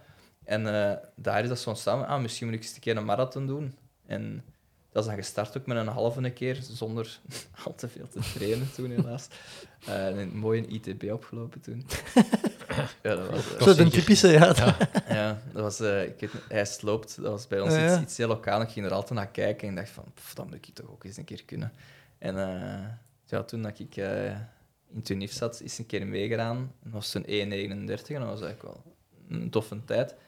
En dan, ja, toen is het echt begonnen met van, ah, ik ga gewoon meer beginnen lopen en dan ga ik een doontocht eens een keer proberen helemaal te lopen. Eh, ja, en dan, zo is dat echt geëscaleerd allemaal, ja. De dodentocht, is dat dan aan 10 per uur mee met de eerste? Of? Ja, de laatste keer dat ik heb meegedaan. eh, ik, heb het, ik heb twee keer geprobeerd om echt met de eerste mee te zijn. Ehm, en die eerste keer ervan was dat niet super denderend. Ik denk dat ik toen na 12 uur over de, over de, de meet kwam. Ehm, maar het jaar, na, na, jaar nadien had ik echt veel getraind. eh, met ultralopen. Ik was dan ook met Karel op de Appalachian Trail gaan, gaan crewen. Dus ik had 260 kilometer op een week gedaan en 10 dagen nadien was een dodentocht. Dus dat was echt zo van, ja, of terwijl gaat een dodentocht nu heel slecht worden, of terwijl heel goed, maar tussenin zal het echt niet waar zijn. En ik had ook zo nog twee loopjes aan, dus ik wist niet... Maar ik heb de dodentocht toen, ja, met een lach gewoon gedaan. Dat was tegen... als, je, als je echt met de eerste wilt mee zijn, moet je zo 11 per uur ongeveer doen. Ja. Omdat die altijd zo iets rapper zijn. En die zeker- wachten dan altijd aan de stempelposten? Of? Ja, de meeste gaan wel vroeger open, maar eens dat je zo aan kilometer 80 komt, daar kom ik bij de kopgroep terecht, die aan het wachten waren. En dan loopt je van, van punt naar punt, totdat je echt aan de 94,5 komt. Dan heb je heel de dijk daar afgelopen. Eh, dan beslissen ze echt van, hier lopen we allemaal tezamen. En er zijn een paar mensen die dat echt elk jaar doen. Ehm, en die zeggen wel ja, hier, hier gaat niemand vertrekken, want we komen niet halen. Daar zitten mensen met een PR van 8 uur in op de 100 kilometer. Dus ja, mocht je wel geloven, als er iemand probeert vertrekken, dat die echt wel u nog gaan halen. Mijn, mijn PR zit daaronder. Ah ja, ik heb, ik die Strava toen... Dat was ook een COVID-run, denk ik. Ja, ja, ja. Oh, man, oh, man, man. Ja. Ik had het gezien. Eh, en ja, dan donut, ja, dat was eigenlijk ook een van de schoonste ultraloopmomenten, omdat ik die donuttocht vroeger had gedaan, mijn eerste keer in 22 uur 30, toen ik 17 was. En op 50 kilometer echt zo wat pist was van... Die lopers, dat, oh, dat, dat kan toch niet? Die doen niks anders dan lopen, die hebben geen leven, dit en dat. Ja, een zeven jaar aan dienst staat gelegd van... Oh, wat heb ik toen allemaal geen gezegd? Ja. Ja, ik was er enige geworden, maar ja, dat is wel chic. De pacen op de Appalachian Trail bij, bij Karel, hoe, hoe, hoe zijn er daarbij gekomen?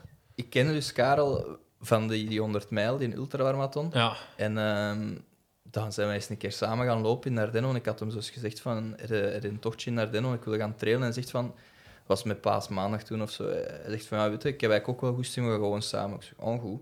En dan begon hem te zeggen over de, over de Appalachian Trail, dat hem daar naartoe ging. Ehm, en hij was dan bezig van, ik heb zo wat mensen die komen crewen. En ik zei tegen hem van, ja, ik zou het eigenlijk ook nog wel tof vinden, maar ik kan dat niet kunnen om 80 kilometer per dag te doen. Hij zegt van, ah, maar die anderen doen dat ook niet, je moet geen 80 zijn, maar... Hij zegt, ik heb nog een week eigenlijk, dat ik wel iemand kan gebruiken. Ik zal die datum doorsturen en dan, dan zie je maar of je kunt. Dus ik zeg van ja, ik zeg heel de week gaan lopen in Amerika. Ik zeg direct, direct. en om, om dan de Karel te helpen, want ja, die was toen ook absoluut nog niet zo bekend als toen. Hij Nee, had ja. de PCT wel gedaan, dus je weet wel van de, Ja. de, de big deal. En eh, ja, dat was, dat was een fantastische week. Ik heb er elke dag een marathonnetje gelopen toen en eh, ik zie echt wat, ja, tot wat dat in staat is. Ja. Met zijn twee vingers in zijn neus elke dag, om het zo te zeggen, een beetje. Dat was echt, dat was echt knap.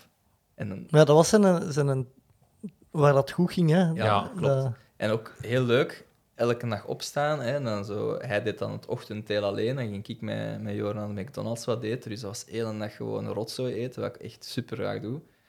en eh, ja, zo, zo al die calorieën binnen. En dan om vijf uur, zes uur s'avonds, als ik dan bij Karel was, was het van, ah, het is een bear hour, dus eh, misschien dat we een beer zien. En dan zo elke dag wel eens een beer gezien in het wild. Dus dat, dat was, ja, dat was top, hè. En, eh, Echt absoluut geamuseerd met hem. En is dat gewoon een Appalachian Trail? Want ah, ik heb de Scott Jurek zijn een boek dan erover gelezen. En die een boek schetst daar wel niet echt een mooi beeld van of zo, Ah, vind het, ik is, dat. het is echt een green tunnel, een beetje. Het is zo de opgevorderde Ardennen, met nog allee, echt zo'n tunnelje soms van, van groen. Ik vond dat echt keichic. Ik heb me daar... eh, het is veel hetzelfde, dat wel, maar ik heb ook gewoon twee staten maar gedaan. Ja. Dus ik denk eens dat je meer naar het noorden gaat, eh, dat er nog veranderde. Maar het zijn geen Alpen natuurlijk, hè, maar ik denk als Scott Jurett had- had gezegd van het is hier niet helemaal schoon. Ja, maar bij mij is het, eh, het is ook vooral, het schetst geen mooi beeld ervan, omdat hem zo in de shit zit, denk Ah, ik. Dat- ik kan- ik denk dat dat kan. hetzelfde zou zijn dat jij nu een boek zou schrijven over je GR. Dat, Ja. dat, dat zo bij de Scott Jurek... Ay, dat gevoel had het toch, als Ja, je die boek leest. Ja, van, ik denk wel dat het veel doet als je echt aan het afzien bent, dat je ook niet meer rondom je gaat kijken. Dat je gewoon het moment zo ambetant vindt dat ook hetgeen rondom je niet meer deert. Ehm, maar ja, ik vond het wel heel chic. De, de Appalachian Trail, absoluut. Heb je ook eh, plannen om mee naar de PCT te gaan in juni? Of? Eh, nee, nee, want ik zit nu ook in, in Zwitserland. En eh, ik wil er daar ook alles nog... eh, ik heb daar nog heel veel plannen. Hoe, hoe zijn je in Zwitserland terechtgekomen eigenlijk? Door de Tor. Ik, eh, dus ik had gezegd dat mijn, mijn, mijn vriendin had toen gedaan gemaakt en die had plannen naar Australië te gaan. Die had me dat ook zo wat warm gemaakt om aan mee te gaan. Hij had hij gevraagd. Dus ik zat wel met het idee van, ja, we gaan naar het buitenland. Ik zeg, waarom niet? Ja? En ik was dan op de Tor en ik dacht van, dat is hier zo chic, waarom, waarom ga ik gewoon niet naar de bergen? En eh, dan kwam ineens het idee aan, misschien Zwitserland. En dan is hij een bal aan het rollen gegaan en een praktijk daar gevonden. En voilà. Dat is, eh, Amai. ja, dat is, dat is echt heel snel allemaal gegaan. En is het moeilijk om als standaard eh, werk te vinden in Zwitserland? Nee, nee, nee, nee. Ze zoeken ze. Ja. Ah. Want eh, ja, ik doe ook elk jaar een wedstrijd in Zwitserland. Eh, Mij trekt dat land nog altijd niet zo aan of zo. eh. Maar Zofingen is ook niet echt de bergen, bergen. Hè? ja, Dat- Zofingen, ja, dat is... Ik zit nu in, eh, in Lausanne en daar... eh, het leuke is, ik moet 30 minuten rijden aan de bergen en ik zit wel echt in een expatstad. Ja. Dus 30% daar zijn expats. Dus ik, ik ken ook bijna niet veel. Ik ken eigenlijk bijna geen Zwitsers. Ik ken vooral Amerikanen, Fransen, Duitsers. Eh, dus dat maakt wel, je hebt sociaal veel. En de mensen dat daar ook zitten, die willen gewoon allemaal naar de bergen. Ja. En eh, ik heb dan ook mijn coach van mijn triathlon, die woont in VV, dat is dan op 20 kilometer van mij. Die kende daar ook alles, die heeft mij de wereld van skitouren ook getoond. Eh, dus vandaar met een Barkley was dat ideaal, want oké, je zit daar vlak aan de bergen, je kunt veel hoogtemeters trainen, maar er ligt wel sneeuw, die bergen. Dus dat is, Eh. eh, dan weet je van, ja, hoe ga ik dat oplossen? En dan skitouren, skitouren, skitouren, dat geen naam heeft. Ja, Dat is fantastisch, hè? dat was fantastisch, inderdaad. Eh, we hebben ook nog een, een foto van u gevonden van de dodentocht met een t-shirt. Waar is Karel? Ja, klopt. klopt. Hashtag waar is, ja. Ja, klopt. Dat was het jaar dat ik was gaan crewen. En Christophe van de Wiel had toen zo wat een hashtag gecreëerd van hashtag Where is Karel. Ehm, en die een t-shirt... Ja, ik dacht, ik ga die aan moeten doen. Toen, want dat was tien dagen geleden dat ik op de, op de AT was. Ja. Dus ik ga die, ik ga die gewoon aandoen. En eh, sindsdien, ik heb die t-shirt aan de start aangehad van de Swiss Peaks, van de Legends, van de Tor, van de GR. Dat is mijn start-t-shirt nu. Maar Ja, niet, in de hel, niet in de hel. Niet in de hel, niet in de hel. Daar, En niet met een Barkley. Nee, ook niet met een Barkley. en ook niet met een Ironman. Eh, nee, Ja, nee. dat is moeilijk. Ja, dat is een hele... Dat is niet zo aero geweest, denk ik. Nee, maar ja. ja. Ik had, ik had mijn been al afgeschoren. Dan ga ik niet plots een t-shirt aan doen om nog aero eraf te krijgen. Dus, eh, Ja, was, dat, was dat moeilijk om eh, uw beenhaar... eh, Dat was toch een raar gevoel in de eerste avond dat ik in bed lag. ja, dat is echt zo, wat is, wat is dat hier allemaal? Zo. Ja. Maar en dat En echt... vooral in het zwembad ook. Dat was echt zo, wat, hangt er zoiets aan mijn been of zo? Maar als dat water dat effectief je been direct raakt... In, ik heb heel... ben niet monsterharig, wil ik niet zeggen, maar... Hobbit, wel ja. goed- ja, een beetje hobbitbeen, allee, dat hoort er ook bij. Maar dat was echt zo van... Oh, dat, dat voelt hier ook wel raar om te zwemmen. Maar ja, Armen niet gedaan, nee, nee, nee. oksels. Nee, Maar en dat nee, het echt nee. gedaan om aerodynamischer te zijn. Ja, ja, ja. Ja, ik had gelezen 3 watt. Ik zeg, die pak ik heel graag aan. Mijn FTP was met 270. Ik zeg, als er nog drie bij kan, dan zie. En dan zijn we vertrokken. Eh, misschien nog even terug naar dan Barkley. Yes. Ehm, ja, je staat de eerste keer aan de start.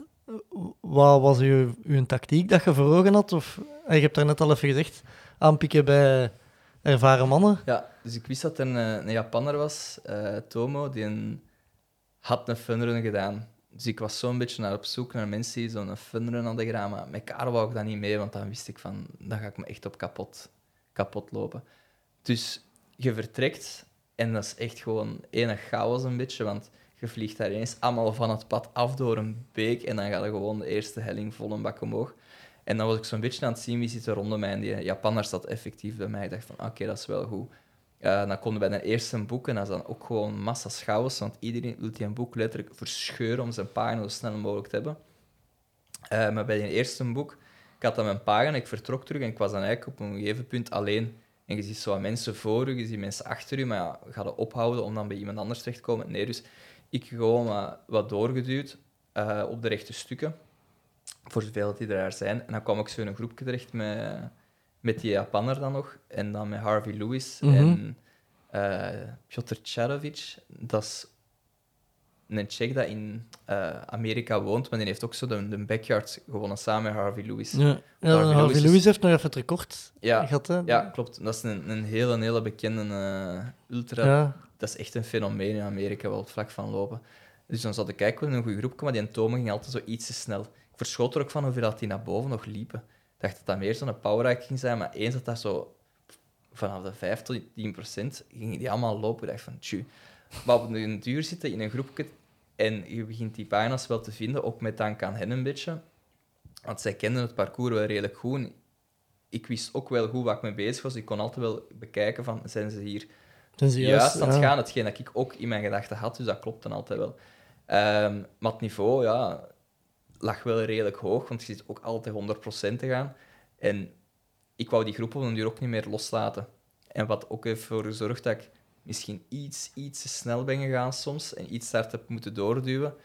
Maar ik heb dat risico genomen, omdat ik dacht, ja, wij zitten hier spot op elke boek, spot on. Ik dacht, ja, hier kan ik nu niet... Als ik me toe ging laten zakken, Dan verlies je misschien uren met te zoeken naar boeken. Klopt. En toen ik ook aan een eerste boek was, had ik gezien dat er na de eerste beklimming 20 man in groep 1 zat, 20 man in groep 2, met al een kloof van drie minuten of van meer.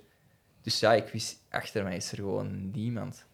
Ehm, dus ja, dan moet je keuzes maken een beetje. Ja.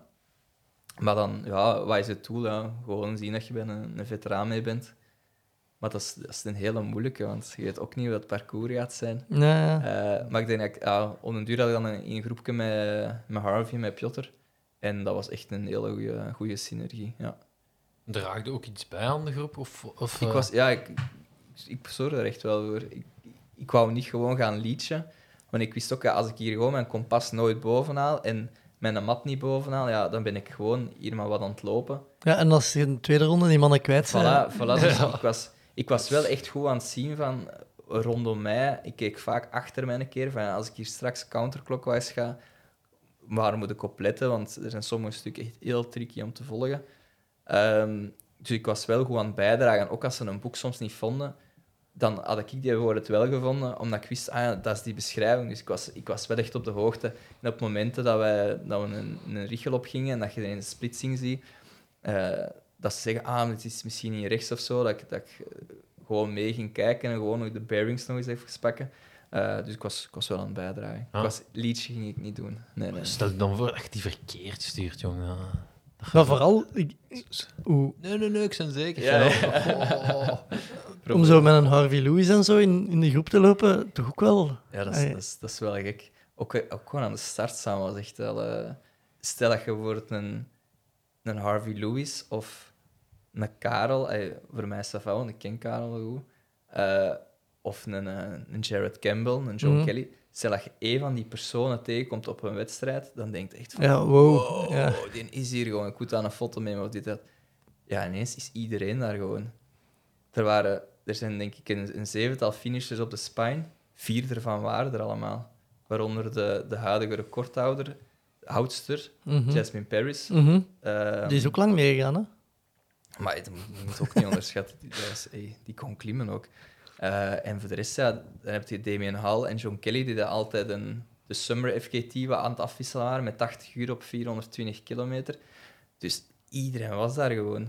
Eh, dat was...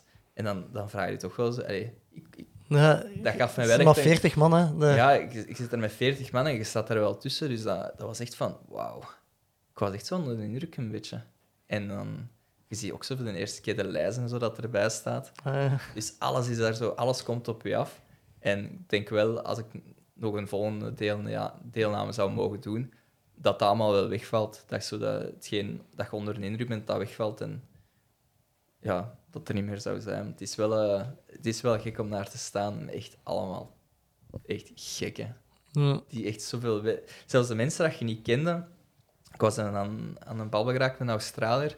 En ik zeg, ja, wat heb jij eigenlijk zo'n beetje gedaan? Ah, ik heb de, de Self-Transcendence nog gedaan. En dat is een wedstrijd van 3100 mijl rond een blokje in New York van 880 meter. 52 dagen, een blokje van 880 meter af. af, af fuck? Dus zelfs de mensen dat je niet kent, die zitten ook met zo'n ervaring. Of dan de... Dat was degene dat brons had gehaald op het WK 24 uur. Die met, met 270 kilometer of met 300 kilometer naar huis ging. Ik denk van, wat is dat hier allemaal? En zo heb jij gedaan. Ik heb eens een keer 560 kilometer gedaan, ik heb een tor gedaan. maar ja, op de duur beginnen zo...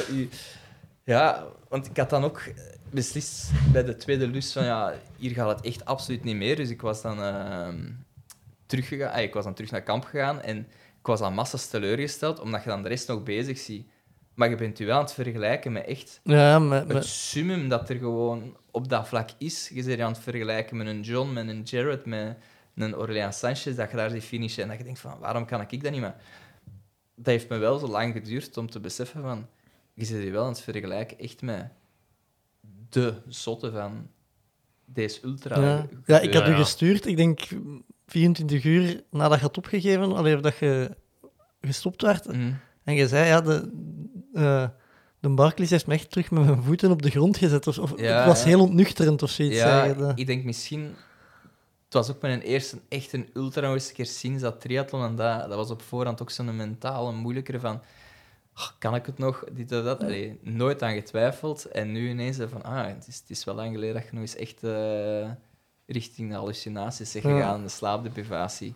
Eh, dus dat maakt het wel moeilijk van... Hoe ga ik dat hier eh, verteren? Ehm, en misschien dat ik er naartoe ben gegaan, iets te veel met het idee van, ah, maar ik heb al heel veel gedaan. En Komt wel goed. Allee, zo met dat... ja, allee, Iets te veel berust of zo. Ja, iets daar ervan uitgegaan dat ik wel het zou kunnen doorpushen. Van, ik heb Ja. er al zoveel gedaan, dat zal nu ook wel lukken. Wel echt zoiets van respect the race, respect the distance, dat ik wel. Dus ik heb het niet onderschat, maar mijn eigen misschien zo wat overschat van... ehm, van ik, ga, ik ga wel terug kunnen doorpushen, dat zou wel teruggaan. En vergeten hoeveel pijn dat soms kan doen. En waar loopt het dan uiteindelijk mis in een tweede ronde? Dat...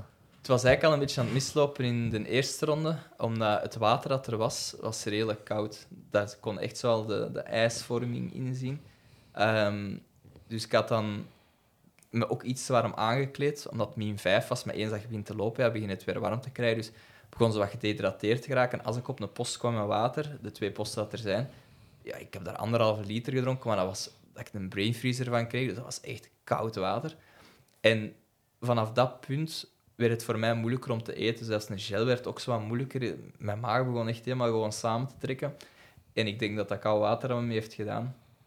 Eh, en sindsdien ja, lukte dat niet goed meer om, eh, om wat te eten en zo. Dus mijn energie begon dan weer lager te geraken. Ehm, dus eigenlijk is het zo'n beetje al gestart in die, eerste ronde dat ik voelde van... Goh, ik moet hier ook wel echt goed gaan doorduwen om bij de mannen te blijven. Ehm, en dan kwam ik in het kamp terecht en daar echt geprobeerd om nog eens wat goed calorieën binnen te duwen. Want ik had dan beslist om wat gewoon minder te eten, dat ik alles wat liet passeren in mijn maag. Eh, misschien dat dat dan ging helpen. Maar ik kwam dan in het kamp, ik at terug en ik vertrok. En dan elke keer als je een stap zet, je kent het, dat je zo... Kom het, kom het, kom het niet, kom het, kom het. Ja, ja. En eh, ik was dan op een duur zo moe aan het worden, omdat ik al... Dat, dat spelletje was al voor zes uur aan het duren, denk ik. Dat ik me echt super misselijk voel. Dus ik had ook echt niet veel gegeten. Zo'n een cola misschien even kort gedronken. Maar ik was dan naar boven echt bijna aan het zwalpen. Dat ik, dat ik een stap zette en zo op mijn stokken. En dat je helemaal krom hangt. En dan eh, dat ik gewoon zo een keer helemaal me liet vallen tegen een boom proberen te slapen of zo. Maar elke keer als ik dan diep was aan het inhouden, moest ik dan bijna weer overgeven. Dan proberen over te geven, dat lukt dan ook niet. Dus ik heb wel alles wat ik vroeger en zo al eens had gedaan en had gewerkt, heb ik uitgeprobeerd. Maar het was gewoon toen die dag niet... eh, Ja, het mocht zo niet zijn. Dus ik heb dan ook... Als je naar de eerste boek gaat in counterclockwise, kom je eerst op een ridge terecht en moet terug naar beneden, terug naar boven. Ik stond op die ridge en ik dacht van, ja, deze gaat echt niet lukken. Dus ik was toen aan het terugkeren, maar dan kwam mijn koppigheid naar boven. Ben ik toch nog teruggekeerd, terug naar beneden gegaan toch. Dat een eerste boek gaan, en dat was voor mij echt van, oké, doe het in eerste boek en bekijk het daar. Maar je gaat niet terugkeren zonder het boek van je tweede Mhm. lus. Dat, dat gaat je niet doen. Dus echt gewoon koppig terug naar boven. Maar aan die laatste 100 meters van die, eh, die laatste beklimming werd dat wel echt duidelijk van... Ja, hier, eh, hier ben ik echt wel gewoon compleet in doortrooien. Ook dat wandelen, dat ging echt van niks meer. En daar heb ik het nu wel moeilijk mee, want ik vraag me echt af van hoe kan op zo'n korte tijd zo fout ineens gaan dat je echt zo uitgeput bent. Maar Maar is dat dan niet gewoon omdat je al zo lang weinig calorieën aan het binnenpakken zei? Dat je... ook, en elke stap dat je doet in Barkley is echt gewoon 100 allee, Dat is niet echt- 100 procent, maar het is, het is zo stijl heel de tijd. Het is echt duwen, duwen, duwen. Je kunt dat vergelijken met... allee, Je kunt het niet vergelijken met België, maar als je echt zo'n trail hebt dat je denkt van amai, deze afdaling, hier ben ik echt in het rood aan het gaan. Wel, zo is dat gewoon continu. En eh, ook naar beneden gaan. Het is, het is niet gewoon zo naar beneden wat recuperatie, want daar heb je veel aan als je Mhm. in de bergen gaat. Je gaat lang stijgen, je gaat lang dalen. En eens dat je gedaald bent, zijn je benen terug in orde om te klimmen. Met een Barkley moet je zo hard opletten om naar beneden. Je valt daar continu. Er liggen stenen overal. Er ligt, eh, die, we waren ook met vier aan het halen. En eh, de Harvey pakt een boom vast van vier meter om zich tegen te houden. Eh, en de Japaner liep als eerste. Maar hij duwt tegen die boom van vier meter en ineens hoor dat hij zo rot is als is. En die boom van vier meter, je valt daar op twee meter van de Japaner. Tomo, watch out, watch out. ja, echt van, wat is dat? De natuur wint daar gewoon. hè. Dat is, dat is daar zo remote. Ehm, ja, dus... Het is, ik ben nu echt zo'n beetje voor mezelf aan het zien van hoe komt het dat dat zo rap is, is misgegaan. Maar ik denk dat je ook die intensiteit van Barkley, dat ik dat niet mag, niet mag onderschatten in mijn zelfevaluatie een beetje. Ehm, en bij Barkley komt ook een bepaalde verantwoordelijkheid mee, want als jij zegt ik geef op, het is niet dat je aan een aid station staat. Nee, nee, nee. Dat je, dat Je moet teruggeraken ook. Dat... je moet zelf teruggeraken, want ik heb dat de eerste boek er twee en een half over gedaan, maar ik ben ook nog twee uur mogen teruggaan. En ehm, op het punt dat ik heb opgegeven, wist ik, als ik hier naar beneden ga, moet ik echt een heel lange steile beklimming doen, moeilijk te navigeren. En je zit echt in niemandsland. Dus dat maakt voor mij van, ja, ik kan, ik kan gewoon hier een wijze beslissing maken. En ik, één, ik kan niet meer. Als er daar iets voorvalt, dan zit ik echt in de shit. Eh, en ja, dan komt op het moment dat je zegt, ik stop. Maar dat is een hele moeilijke. Dat snap ik. Ja, ik had eh, aan Frank de Tank gevraagd of dat hem eh wou meedoen aan de Jogclub Ultra. Mhm. En hij zei, ja, ik ga vijf dagen later de, de, Legends Backyard doen. Ja, klopt. Eh, klopt. En ik zei, ja, maar Frank, komt af en start gewoon. En als je er twintig wilt meelopen, je bent toch nooit ver van de sporthal, dus je kunt altijd... En dan zei hij, ja, nee, ik kan dat niet doen, want dan heb ik een DNF. dus ik, snap wel ja, Ja, het is- waarvan dat de pijn vandaan komt. om- Ja, om- klopt. Want je hebt dan... Ik heb nu echt al mooie wedstrijden gedaan en toch wat afstanden. Dat is dan elke keer gelukt, ondanks dat ik er echt soms gewoon een wrak was. Ja, en hier, hier kun je dat niet, maar ik denk dat dat mentaal ook heel veel doet als je, op een, je vertrekt op die lus en het moet 13 uur wel... 13 uur is op jezelf aangewezen. Stel dat ik zo was en ik zat in loop 5, dan had ik doorgedaan. Mhm. Maar hier was het echt van, ja, ik zit hier in loop 2. Wat ga ik doen? Kan ik hier nog eh, een ellenlange tocht van maken? Terwijl ik, allee, ja, komt een bepaalde verantwoordelijkheid mee, want er was een vrouw ook die super slecht was in navigeren, ging ook traag. En die was na 10 uur bij boek 5 of zo. Of na 12, Ja. 15 uur. En dan zei die andere gast van, ja, dat gaat hier toch niet meer lukken. Ik pak Quitters Road, terug naar het kamp. Ehm, maar die vrouw zei, ja, ik ga gewoon door. Ik wil al die boeken halen. Ja, Dus dat, die ik was- snap het. Ja, dat, Die was eigen, ja, een beetje eigenwijs verder aan het gaan. Maar die heeft er niet bij stilgestaan dat als je na 20 uur naar een loop niet terug bent, dat ze wel zich beginnen zorgen te maken. En die is na 33 uur aangekomen in het kamp met een brede glimlach als ze alle pagina's had. En de lijst was op dat moment, ik was toen in het kamp, de lijst was op dat moment aan het babbelen met een ranger om een zoekactie op te starten. Dus de lijst is daar in colère geschoten blijven van je welste. Maar ik, ik kan hem ergens ook wel begrijpen, want er zijn een andere Ja. loper tegen mij dat Barkley een bedreigde diersoort is. En zijn lopers dat kunnen kapotmaken. Ja, en ik, wou niet, ik wou absoluut niet die man zijn ja, dat daar ergens aan een beachtree helemaal kapot KO lag, die dat ze zijn moeten komen zoeken, om dan zo'n schoon evenement ook... Allee, ik kan niet zeggen dat dat mijn eerste hoofddoel was in mijn hoofd waarom ik ben gestopt. Het was ook gewoon dat ik gewoon echt kapot was. Ja, maar je wilt niet die zijn Voilà. die, die dat ervoor zorgt dat, dat de lijst aan, Voilà, met handen voilà. en voeten gebonden wordt Ja. aan regels ineens. En dat maakt het ook wel in mijn hoofd van, oké, het, was, het was wel een verstandige beslissing, maar... Ja, het, is, het is ook wel... Ik vind dat wel zot dat je het geen noodknop of zo mee... Nee, niks, niks, niks. Dus Dus, je, je, ja, dat, daarmee vind ik dat ook verstandig, denk ik, dat je, dat je, die denkwijze hebt en Ja. van oké, ja. Want waar ik in andere wedstrijden op dat vlak gewoon ben doorgegaan, omdat ik wist van, het is geen verstandige beslissing om door te gaan, dat ik echt compleet kapot ben. Ik ben aan het hallucineren. Maar daar, ga- ey, op die andere wedstrijden gaat het door, omdat je weet dat er verderop een organisatie zit. Ja, ja. Ja, dan weet van, tuurlijk. hier kan ik eens gewoon verantwoordelijk gewoon doorgaan en eens even zien waar dat allemaal is. Maar met een Barkley is dat moeilijker. Hè? En je hebt dan gehoord van, een Karel is 12 uur aan het hallucineren. Maar dat is dan omdat hij in loop 5 zit. Hm. Dat, is, dat is verantwoord. Dat, Ja, dat is normaal gedrag. Voilà, dat, dat, is, dat is gewoon eh, ja, de normale een beetje, maar dat is niet de normaal in, in loop 2. Maar toch, ja... Nu lijkt dat niet veel, 15 uur, maar als je erbij stilstaat, 15 uur, echt alles naar boven, alles Ja, naar ja. beneden, in het meest zotte terrein, boeken zoeken. Het was, dan ook, het was dan ook koud. Nu begint dat wel zo te komen. want Eigenlijk was dat niet mega slecht wat ik daar heb gedaan, maar... Oh, nee. Het, het gekke is dat je eh, in totaal, wat is het, 65 boeken eigenlijk moest zoeken. En ik heb er eh, eh, 65 pagina's moest zoeken. Ik heb er 14 op zak nu. Dan denk je van ja, dat is, eh, dat is precies zo niet hetgeen waarvoor dat je komt. Nee. En je wordt dan ook funneren, maar ja, funneren wordt ook maar gedaan door 10, 15 procent van de deelnemers. Weten dat de mensen dat er staan echt wel heel goed weten hoe, Ja, dat dat als je, als je die, die Google spreadsheets volgt. Zo, eh, dat, je begint met 40 en ja, in ronde 2 is dat al gehalveerd of zo. Hè? helft, ja. Ja. Want de laatste boek waar ik aankwam, ik pakte hier een boek van, van de locatie. En ik kijk naar, die, naar de front, want normaal gezien lezen die titels echt niet. Dat is gewoon scheuren en verder. En dan, eh, ik las een titel, dat is een I just can't take it anymore. Ik dacht, oh, wat een karma hier op deze mens. ik dacht van, ja, oké, het moet zo zijn. Maar hij, heeft, hij heeft wel veel van... Ik heb, ik heb hier de pagina's liggen. En eh, ik, ga eens, ik zal eens even zien naar de titels, wat er nog allemaal op stonden.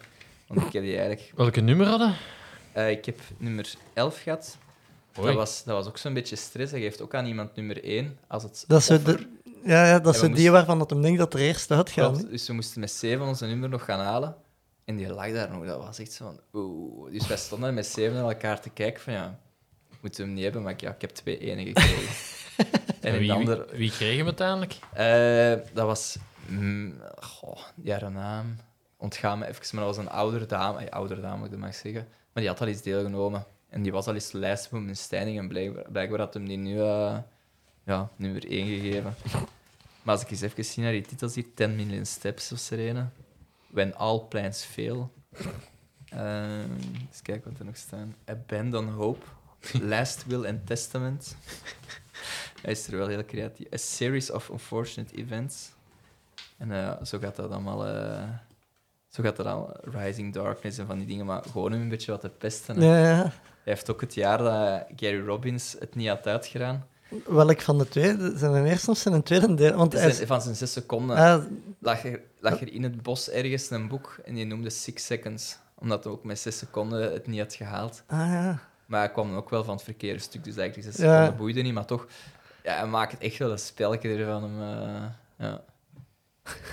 Die lijst, dat is, het is, het is een Dat is zo wat. Ja, Ja. dat is precies dat. maar, ik- siert hem ook wel dat hem superveel moeite doet om... Klopt. Hey, je gaat niet zo uit de kast random Nee, nee, nee, six seconds er gaan uittrekken. Dus hij, gaat, hij doet er ook echt wel veel moeite Ja, ja, voor, volgens mij. En ook de, de horloge. Hij, hij maakt er echt op voor, want hij is u echt aan het opfokken een beetje. Hij had een foto doorgestuurd in de groep van de 40 horloges dat hij had aangekocht. Dus je krijgt van hem een horloge, maar dat is zo old school, old school Mhm. horloges. Ze hebben ook zo zijn medaillon en zo gekregen een jaar.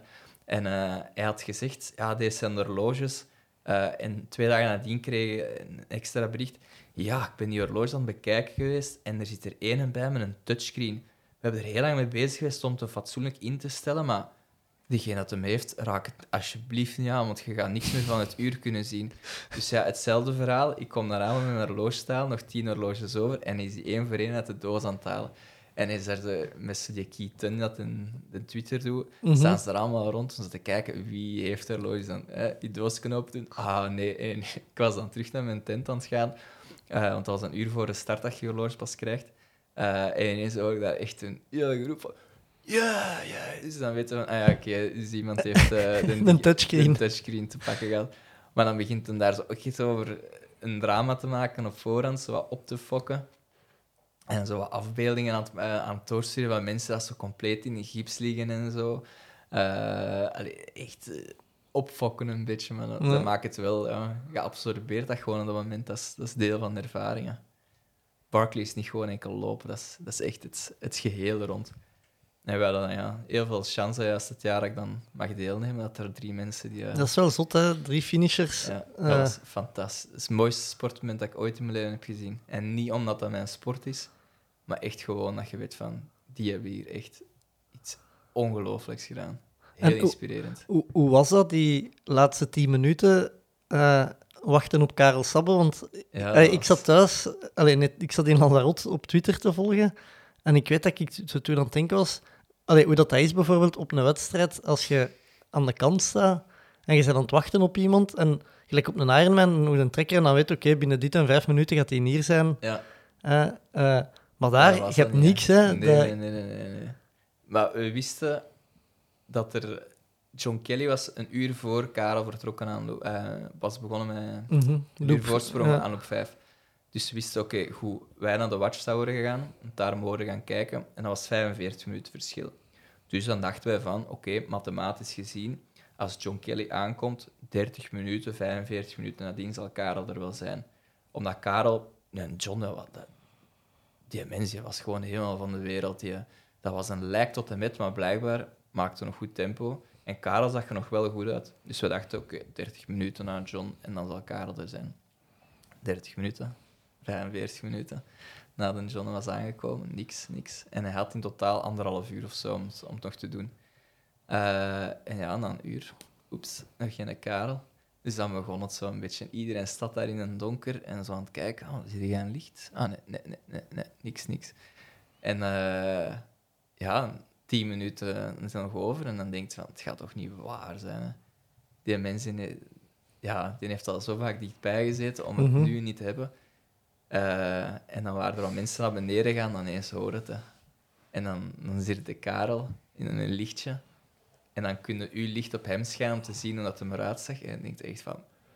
Wow, die mens is echt gewoon helemaal van... Was, die is in een blik van... Die had zijn tanden bekend had kapot gebeten. Maar die raakt dan die gate aan en die valt daar echt neer en denkt echt van... De Karel die neervalt, die is echt heel en dan zegt ze...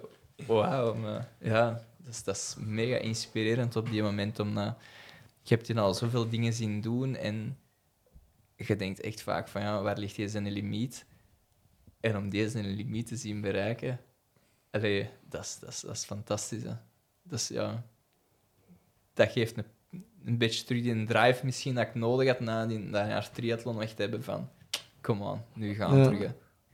En in combinatie met dan dat je niet finisht, geeft zoiets in mijn hoofd van deze ga ik mezelf van mijn leven nooit meer afpakken om niet door te gaan op zo'n momenten. Dus ja, dat is echt fantastisch om dat te zien. hè. En dan de Karel dat te zien fixen. Ja. Maar die mens is achteruit. Maar ja, ik, herinner me allee, de beelden van eh, John Kelly als hij finished in dat jaar met de Gary Robbins met die zes seconden op die video op YouTube. Je ziet dat, dat die zijn hoofd... Dat dat dat is, je, kijkt zo door die zijn ogen precies. Ja, die- ja. als hij daar in die stoel zit met een vuilzak rond hem. maar John ziet er zo al uit na loop 2. hè. Ah. Die kwam aan na loop 3 en dat iedereen dacht van oh, deze gaat het jaar van Johnny worden. Hij zat daar met een glazige blik, gewoon echt in niks en wat te eten. En dan komt hij loop 4 en ziet hem zo iets beter uit, maar nog altijd zo wazig als iets. Heeft een tactisch spelletje met Rolijn ook nog gespeeld voor eh, eh, clockwise Ja. te gaan. Die heeft hem wel goed aangepakt. En dan, eh, ja, die Maar is de ene moeilijker dan de andere? Is, counterclockwise duurt echt veel langer. Ja, En omdat je, omdat de hellingen steiler zijn? Of? de, de stukken dat je naar beneden moet, zijn in clockwise... Allee, je hebt ze liever dat je ze naar beneden doet dan naar boven. Ja. Ehm, de bergoppen dat je doet en counterclockwise zijn iets moeilijker allemaal. Ja, gaat er meer vallen. En Meer wat, terugschuiven. wat was het spelletje dat hem gespeeld had? Eh, Dus ehm, hij wist wel dat die, zag er fantastisch uit na loop 4. Ook na loop, die had, ze, die had zes loops kunnen doen, ben ik er redelijk zeker Ja. van zelfs. Maar hij kwam dan aan, John, hij begon te eten en hij zag ineens Aurelien rapper als gepland aankomen. Maar Aurelien zag er dus echt goed uit, dus die ging ook een rappe wissel wel doen. Dus wat heeft John gedaan? John is gewoon gaan, die heeft gewoon gezegd, ik ga clockwise. Dus die is aan de gate gaan staan, want als je incheckt voor je nieuwe lus, dat je zegt, ik neem geen assistentie Mhm. meer aan voor mijn crew, dan wordt er pas beslist via clockwise. Dus niet omdat je de eerste als loop 4 hebt uitgedaan, dat bepaalt nog niet dat je mag maar kiezen. het is de eerste er- dat vertrekt terug. de eerste dat vertrekt, correct. Dus die is gewoon aan de gate gaan staan. Die heeft zijn bak met eten aangepakt en is daar gewoon beginnen eten. En op het moment dat hem zou hebben gezien, ah, Aurélien staat recht, dan tik ik die gate. Dus hij stond er gewoon en heeft die, die, die gate een beetje gewoon geclaimd. Maar Ja. ik ben er 100% zeker van, John counterclockwise, dat ook nog wel geluk. Maar je zag dan Aurelien Sanchez, ja, die zegt van ja, oké, dan doe ik het wel. Hè. En Aurelien die vertrekt daar tegen 10, 11 per uur naar beneden aan het lopen, alsof er niks aan de hand is. En dan komt hij ook nog als eerste. Nee, die was als eerste binnen. Dat... Maar deze verhaal, dat is, dat is fantastisch ook. Die had zes jaar geprobeerd om deel te nemen. Die heeft dan keihard FGT's gedaan, altijd met het idee van Barkley. En die was vijf jaar geleden op Frozen at State Park geweest. Had dan een eikel meegepakt. Ah ja. Elke heb dat FGT gelezen. dat hij deed, heeft hij dan meegepakt. Al veel trainingen ook en zo. Altijd met dat idee. Het eerste wat hij doet, voordat hij de gate raakt van zijn loops, pakt hij een eikel, legt hij op de, op de, de stenen en die, die draagt die gate aan. En als je dan dat verhaal hoort, maar die was... Ik, ik vond dat fenomenaal ook, omdat probleem was dat er een, ehm, een boek door een wandelaar... Was meegenomen. Zijn laatste boek Ja, of zijn de voorlaatste voorlaatste, boek? ja. die ligt op een bepaald punt waar je als wandelaar bij zou kunnen. Ehm, dus hij dacht van, oei, ligt toch een boek, ik zal die maar gaan afgeven. Maar ja, blijkbaar dus, Karel en John moesten daar, die waren er al lang gepasseerd, omdat die klokwijs gingen.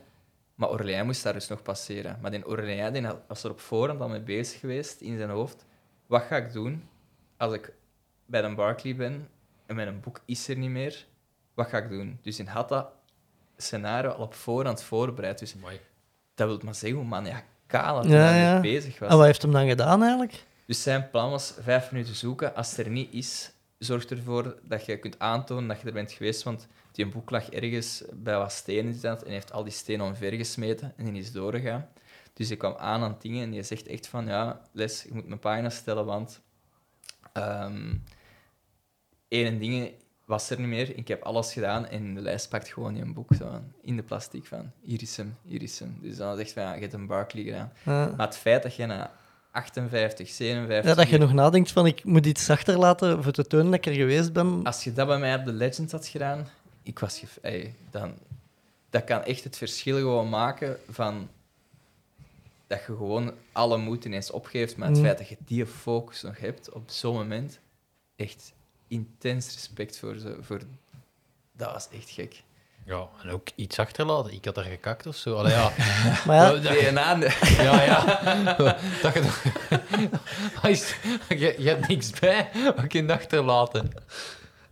ja, iets uit je rugzak of zo. eh. ja, maar je moet ook op dat idee komen. ja, je moet daar fris genoeg... Want als je, daar, als je weet dat we bijvoorbeeld een John en eh, Karel aan het hallucineren waren, nu kun jij wel hier zeggen van, Ja. eh, we hebben juist een goede nachtrust achter terug, van, ah ja, ik zou er iets, neer, eh, iets neerleggen of dit, dat. Maar ja, Ja, hetzelfde tuurlijk. geld eh zeggen van, ik, ik doe hier niks en ga weg. Hè. Dus Ja, chic dat je na zoveel uur op dat idee kan. Hè. Ja, een beetje ontlasten daar, dat ook wel. ja, Eh. Voor een volgende deelname, ik zal het... eh, ja. Onthoud. ja, dat gaat sport ook wel oppikken, denk ik. eh allee, dat is een extra verhaal. Je moet Ja. niet alleen Ja. maar over dat dingen. Ik heb gekakt bij de laatste boeklocatie. Zo, eh, je gaat dan, nou, als een boek er niet ligt, dan is je gaat afvegen met, met een pagina of zo. Oké, ja. Ja. Eh, is, bestaat die Facebookgroep nog van die 40 man of wordt die opgedoekt naar een Barkley? Ik geloof het. Allee, ik denk dat iedereen eruit wordt geschot. Ah ja, Maar hij bestaat nog, momenteel. Denk dus ik. Die wordt gewoon gerecycleerd voor volgend jaar. Dat kan, ja, denk ik. Wat Ja. vonden van de, van de, van de media-aandacht en de... Ja, tof, hè. Ja. Ik had dat ook helemaal niet... eh, ik had daar ook, mij ook helemaal niet op voorzien. Ik heb daar geen energie vooraf ingestoken van, ah, gaat er media zijn of dit of dat. Maar dan stuurden mensen zo door van HLN van, ah, ze zijn iemand vergeten, want dan de Karel wist ze dat hij dan via zijn zus ook zo wat, hè, contacten heeft. Ehm, en dan hadden ze dat wel zo wel aangepast, maar dan ineens, na de, na de Barkley kwam dat dus te weten, dat mijn kop als hoofdpunt samen met de Karel daar stond op sport en denkt van, wow. Er waren zo vrienden van mij aan het doorsturen. Hey, look, ma, I made it. ik vond het wel cool dat, dat Sporza van in het begin ja. eh, een beetje een live blog deed deze keer. Dat... En het grappige was ook, goeie, ja. wij zaten dan ook in de, de WhatsApp van, van Karas en Barkley, Mhm. omdat ik dat dat jaar ervoor had gevolgd. Dus ik zat in hem dat ik de updates kon hebben, maar ja, wij waren ter plekke. Joram was veel aan het, aan het crewen, wij waren ook aan het helpen.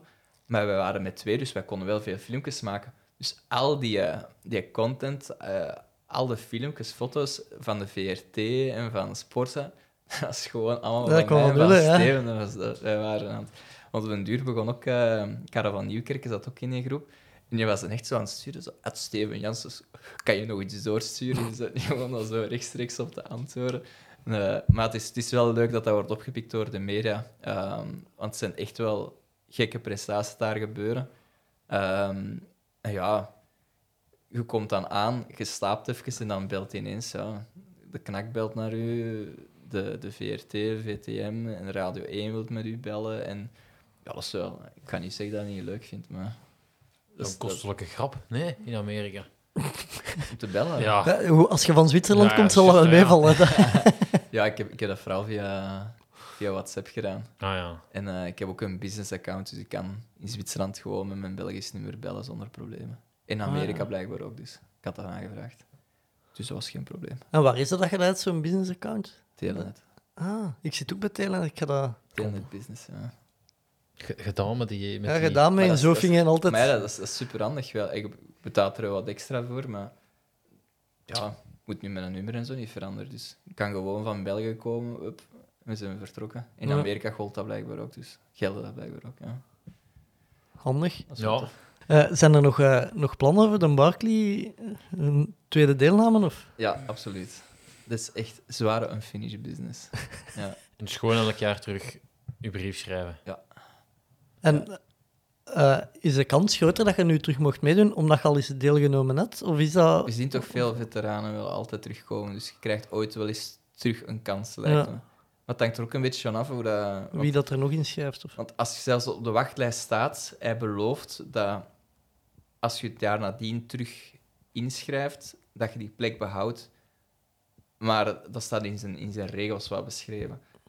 Maar dan heb ik te horen gekregen van, als ze merkt dat in hun brief niet meer de passie zit van ik wil deelnemen, en dat je daar hebt van ik sta hier vijf op de wachtlijst, ik Ja. zit sowieso mee dit jaar, dan smijt hij me gewoon er vandaan.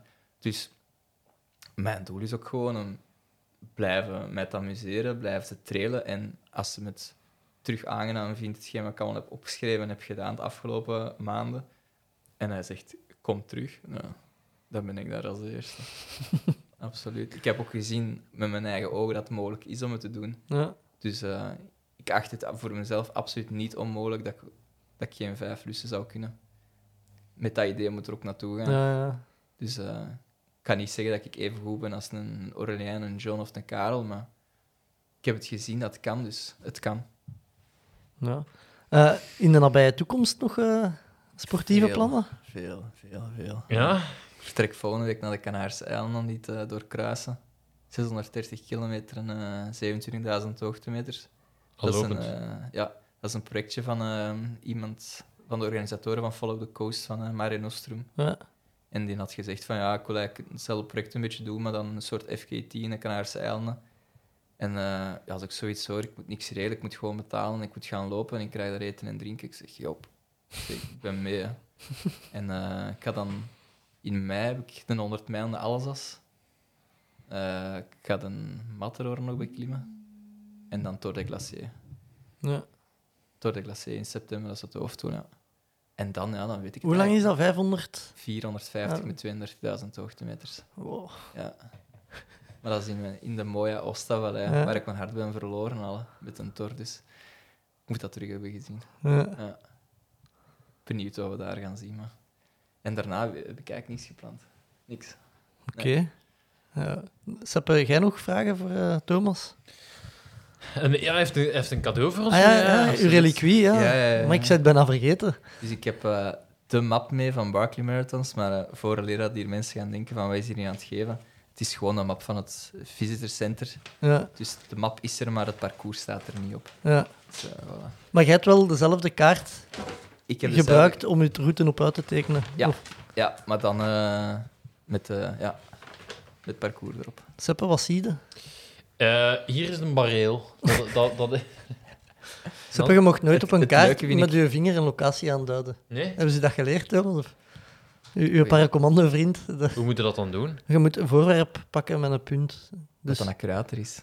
Nee, omdat met je vinger, dat is, niet, Dat is te groot. dat is te groot. Dat Ah, is-. Dus je moet ofwel een stokje of eh, een geodriehoek of hier een tournevis eh, Ja. gebruikt ze. Voilà. Dus eh, hier is de gekende gate. Mhm. Ja, klopt. Het leuke ook aan de map is dat je erop kunt zien hoe dicht alles op elkaar staat van hoogtelijnen. En dat er geen Ja, hoe plek is. dat is. Ja. gigantisch. Er is geen enkele plek dat je hebt van, ah, hier is even eh, op het gemak. Het is echt continu naar boven, naar beneden knallen dat je een naam heeft. En is hier de Karel gevonden? Is hier? Petros, ja. Die Waarom is tegen de, tegen de vuilbak? eh, hier ergens verloren gelopen. Dan is hij hier afgedaald, ergens. En dan is hij hier in Petros terechtgekomen, ja. ja. En waar is de gevangenis? Gevangenis is hier, hè. Dus je gaat... Ja, ik kan, ik kan, maar ik wou bijna zeggen, je gaat er zo onder dit en dat, maar... Nee, nee. je gaat eronder, maar ik kan niet tonen hoe. Eh, Seppe, jij ook een reliquie mee? Eh, ja, Eh, dus ik zei nog dat, dat wat ik gewonnen had als ik uh, krijt de spa had gewonnen. Ja. Maar, dus er was nog één deel dat op komst was. Alleen, wacht hè, Ja, hoor je het? Ja. Dus mijn trofee is toegekomen. Alleen, ja, het is een beetje... Hij is een beetje... Ja, gebroken, hè. Maar ah ja, de, de voet is... eh, de voet is... eh maar het is een beetje... Ah, het is mooi na een trail, is dat toch ook een klein beetje gebroken, dus... symbolisch. Ja, maar ik dacht, ik zal hem hier, ik zal hem hier ook... eh is goed.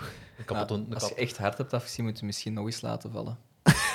Nee, zo hard was het nu ook weer niet. Oké, dan denk ik dat wel dat hem kapot genoeg is. Ja, zo gewoon een klein stukje en hier wat gebarsten zo. Ja, Ja, maar de kaart we gaan ze ophangen, hè. ja we kunnen misschien vervangen met je poster van de hel of zo. Ja, Dat is in beeld hangt. ja. Eh, Thomas, jij verder nog iets dat je kwijt wilt aan de luisteraars of zo? Nee, niet per se, niet per se. Ik denk, eh, ja. Hetgeen dat ik nog kan zeggen, want Barkley zegt, het, je kunt het pas snappen als je er bent geweest. Ik wil er graag eens gaan voor niet voor te lopen, maar voor de sfeer op te... Allee, voor daar te zijn, zoals crew of zo. Of eh, voor daar wat in dat kamp rondhangen en gewoon echt eens zo... Je bent half aan het solliciteren nu, of? Als crew. Ja. Ja, als je mensen nodig hebt, ik wil heel graag mee. Ja, Je dat... mocht maar één iemand meepakken, dat is ook... Ah, eh, oké. Les wil dat heel beperkt Ik snap het ook, hè, dat- Ja. Het maakt het wel, maakt het wel chic, hè. Bobby Ja. heeft wel niet veel slaap nodig, hè. Ja, oké. Als crew toch ook niet. Ja, je Maar je hebt altijd tien of twaalf uur dat je wel wat kunt maffen tussendoor ja, als je weg bent. Ja, toch. Ja, een beetje, maar... Het is van het een naar het ander allemaal. Ja. Ah ja, je moet ook nog naar de... Ja, de lookout kunnen nog doen, Ja. maar dat is ook weer eh, toch wat duurder dan onderweg. Ja. Ja, is dat... Ja, de lookout is ehm denk een half uur met een auto rijden. Dat gaat, maar dan moet je toch wel een goed uur Wandelen. wandelen. En dan staat je daar ja, in de kou te wachten. En dan moet je toch weer eh, drie kwartier terug, bergaf. Terug met een auto. En dan tegen dat je daar bent, moet je misschien nog eten gaan halen voor degene dat gaat, gaat binnenkomen. En zo gaat de tijd eigenlijk wel Maar het is wel snel. veel gedoe, dus... dat- Ja, want toen ik dan was aangekomen, aangekomen, toen ik had opgegeven, heb ik, ben ik naar een Airbnb gegaan, heb ik daar geslapen. Maar er is eigenlijk echt weinig tijd om u neer te leggen bij hetgeen wat je hebt gedaan, want je zit dan... Wij hadden direct gezegd van ja, we gaan de Joren gewoon bijstaan om de Karel nog meer te kunnen helpen. En je zit zo mee in dat Barkley-verhaal, dus dat, die 60 uur, het lijkt inderdaad van, ah ja, je ziet daar iemand vertrekken en 12 uur kun je op je zij gaan liggen en eh, ik wacht. Nee, het- dat, is, dat is helemaal anders. Het is, eh, het is, allee, ik had het ook niet verwacht, maar dat is, dat is ambiance en dat is, dat, die tijd gaat echt heel snel voorbij. Ja, oké. Tweeënhalve dag, dat vliegt. Zot. Eh Seppe, jij eh, plannen komende... Nee, buiten de. Jogclub Ultra Ja, wat, overmorgen? wat ik wel onlangs had, ik reed met, eh, op ploegtraining rijden we door Hillesin en eh, met een FKT eh, passeerde daar, eh, die, die ik gelopen heb, die van, die van, het, die van het Hageland. Ja. En ik had zo een beetje zo een nostalgische bui na die corona-uitspattingen. Wat, wat jij daar moet... Allee, jij er ook echt wel, wel wat gedaan. Ja, ja. Ehm, gewoon omdat dat, omdat dat zo schoon was. Je ging gewoon een FKT op. Ik had toen een trekker en heel veel mensen dat kwamen meelopen. Dat dat een heel schone dag was, ook omdat dat ja, op die komt moment... zo onbekende mensen wat tegen die wat meelopen en zo. En, of bekende. Ja. Maar dat is wel, is wel tof dat het tijdens COVID ook nog kon. hè. En ook een GR-route, dat is een, het was zeker de streek die ik echt goed ken. En toch waren dat allemaal verbindingen die, ik- die, je, niet, die je op een andere manier maakt. En was echt wel, was eigenlijk wel best Hoeveel leuk. was dat in totaal? 151. 151 kilometer, ja. Ah, tegen 11 per uur of zo. Ik had dat toen pas zien passeren op... eh, Ja, 14 uur en een klets, denk ik. ja. Dus eh, ik heb ook niet echt de volledige eh, FKT-ervaring heb ik ook niet gehad daarmee, denk ik. Nee. Het is geen slaapdeprivatie gehad. Nee. Maar je, had- je had op die tijd kunnen we wel eh, één lust op de Barclay en een boek gaan zoeken. Nog een extra. Op 14, 15 uur. Nou, Dat, dat plaatst wel in perspectief Ja, een want- beetje. dus dat wou ik wat daar juist zou zeggen. Hij zei, ja. Ja. het lijkt maar 16 uur. Dan dacht ik, ja, nee, want Ja. mijn FKT was Ja. 14 uur en dat was... Ja. Dat is ook wel het langste dat ik gelopen heb of zo, dus... Ja, maar ik... ik eh, want het kwam eigenlijk omdat ik in, in, eh, ook op... eh, als, als jij in Lanzarote was, was ik aan het zien van... eh, welke FKT's zijn daar en zo, omdat ik dat toch ook Ah, ja. wel iets heel schoon vond, wat nu een beetje geminderd is. Ah, ik vervolg dat iets minder of zo, omdat je... Ja, dat was vooral heel leuk tijdens, tijdens COVID, Ja, als er geen wedstrijden waren, maar dat, dat had ook echt wel... Dat was wel heel plezant. Je hebt bijvoorbeeld ehm, helemaal door Mallorca heb je, heb je een, een GR-route die in FKT is. Ah, wist ik niet. Ehm, wat ook super mooi moet zijn, want dat is heel, de, heel die berg, eh, bergzone door. Ik heb er ook nog één hier in België op, op mijn planning staan. Dat is eigenlijk zo'n beetje een, een onbekende FKT. maar dat is ook een 300, 360 rond de, rond de Oerten ergens. ah, ja, ja. Nou ja, ik heb die opgezocht. die, staat, die staat online, maar die is nog niet gelopen, denk ik. Hè, of wel? Nee, nee, het is...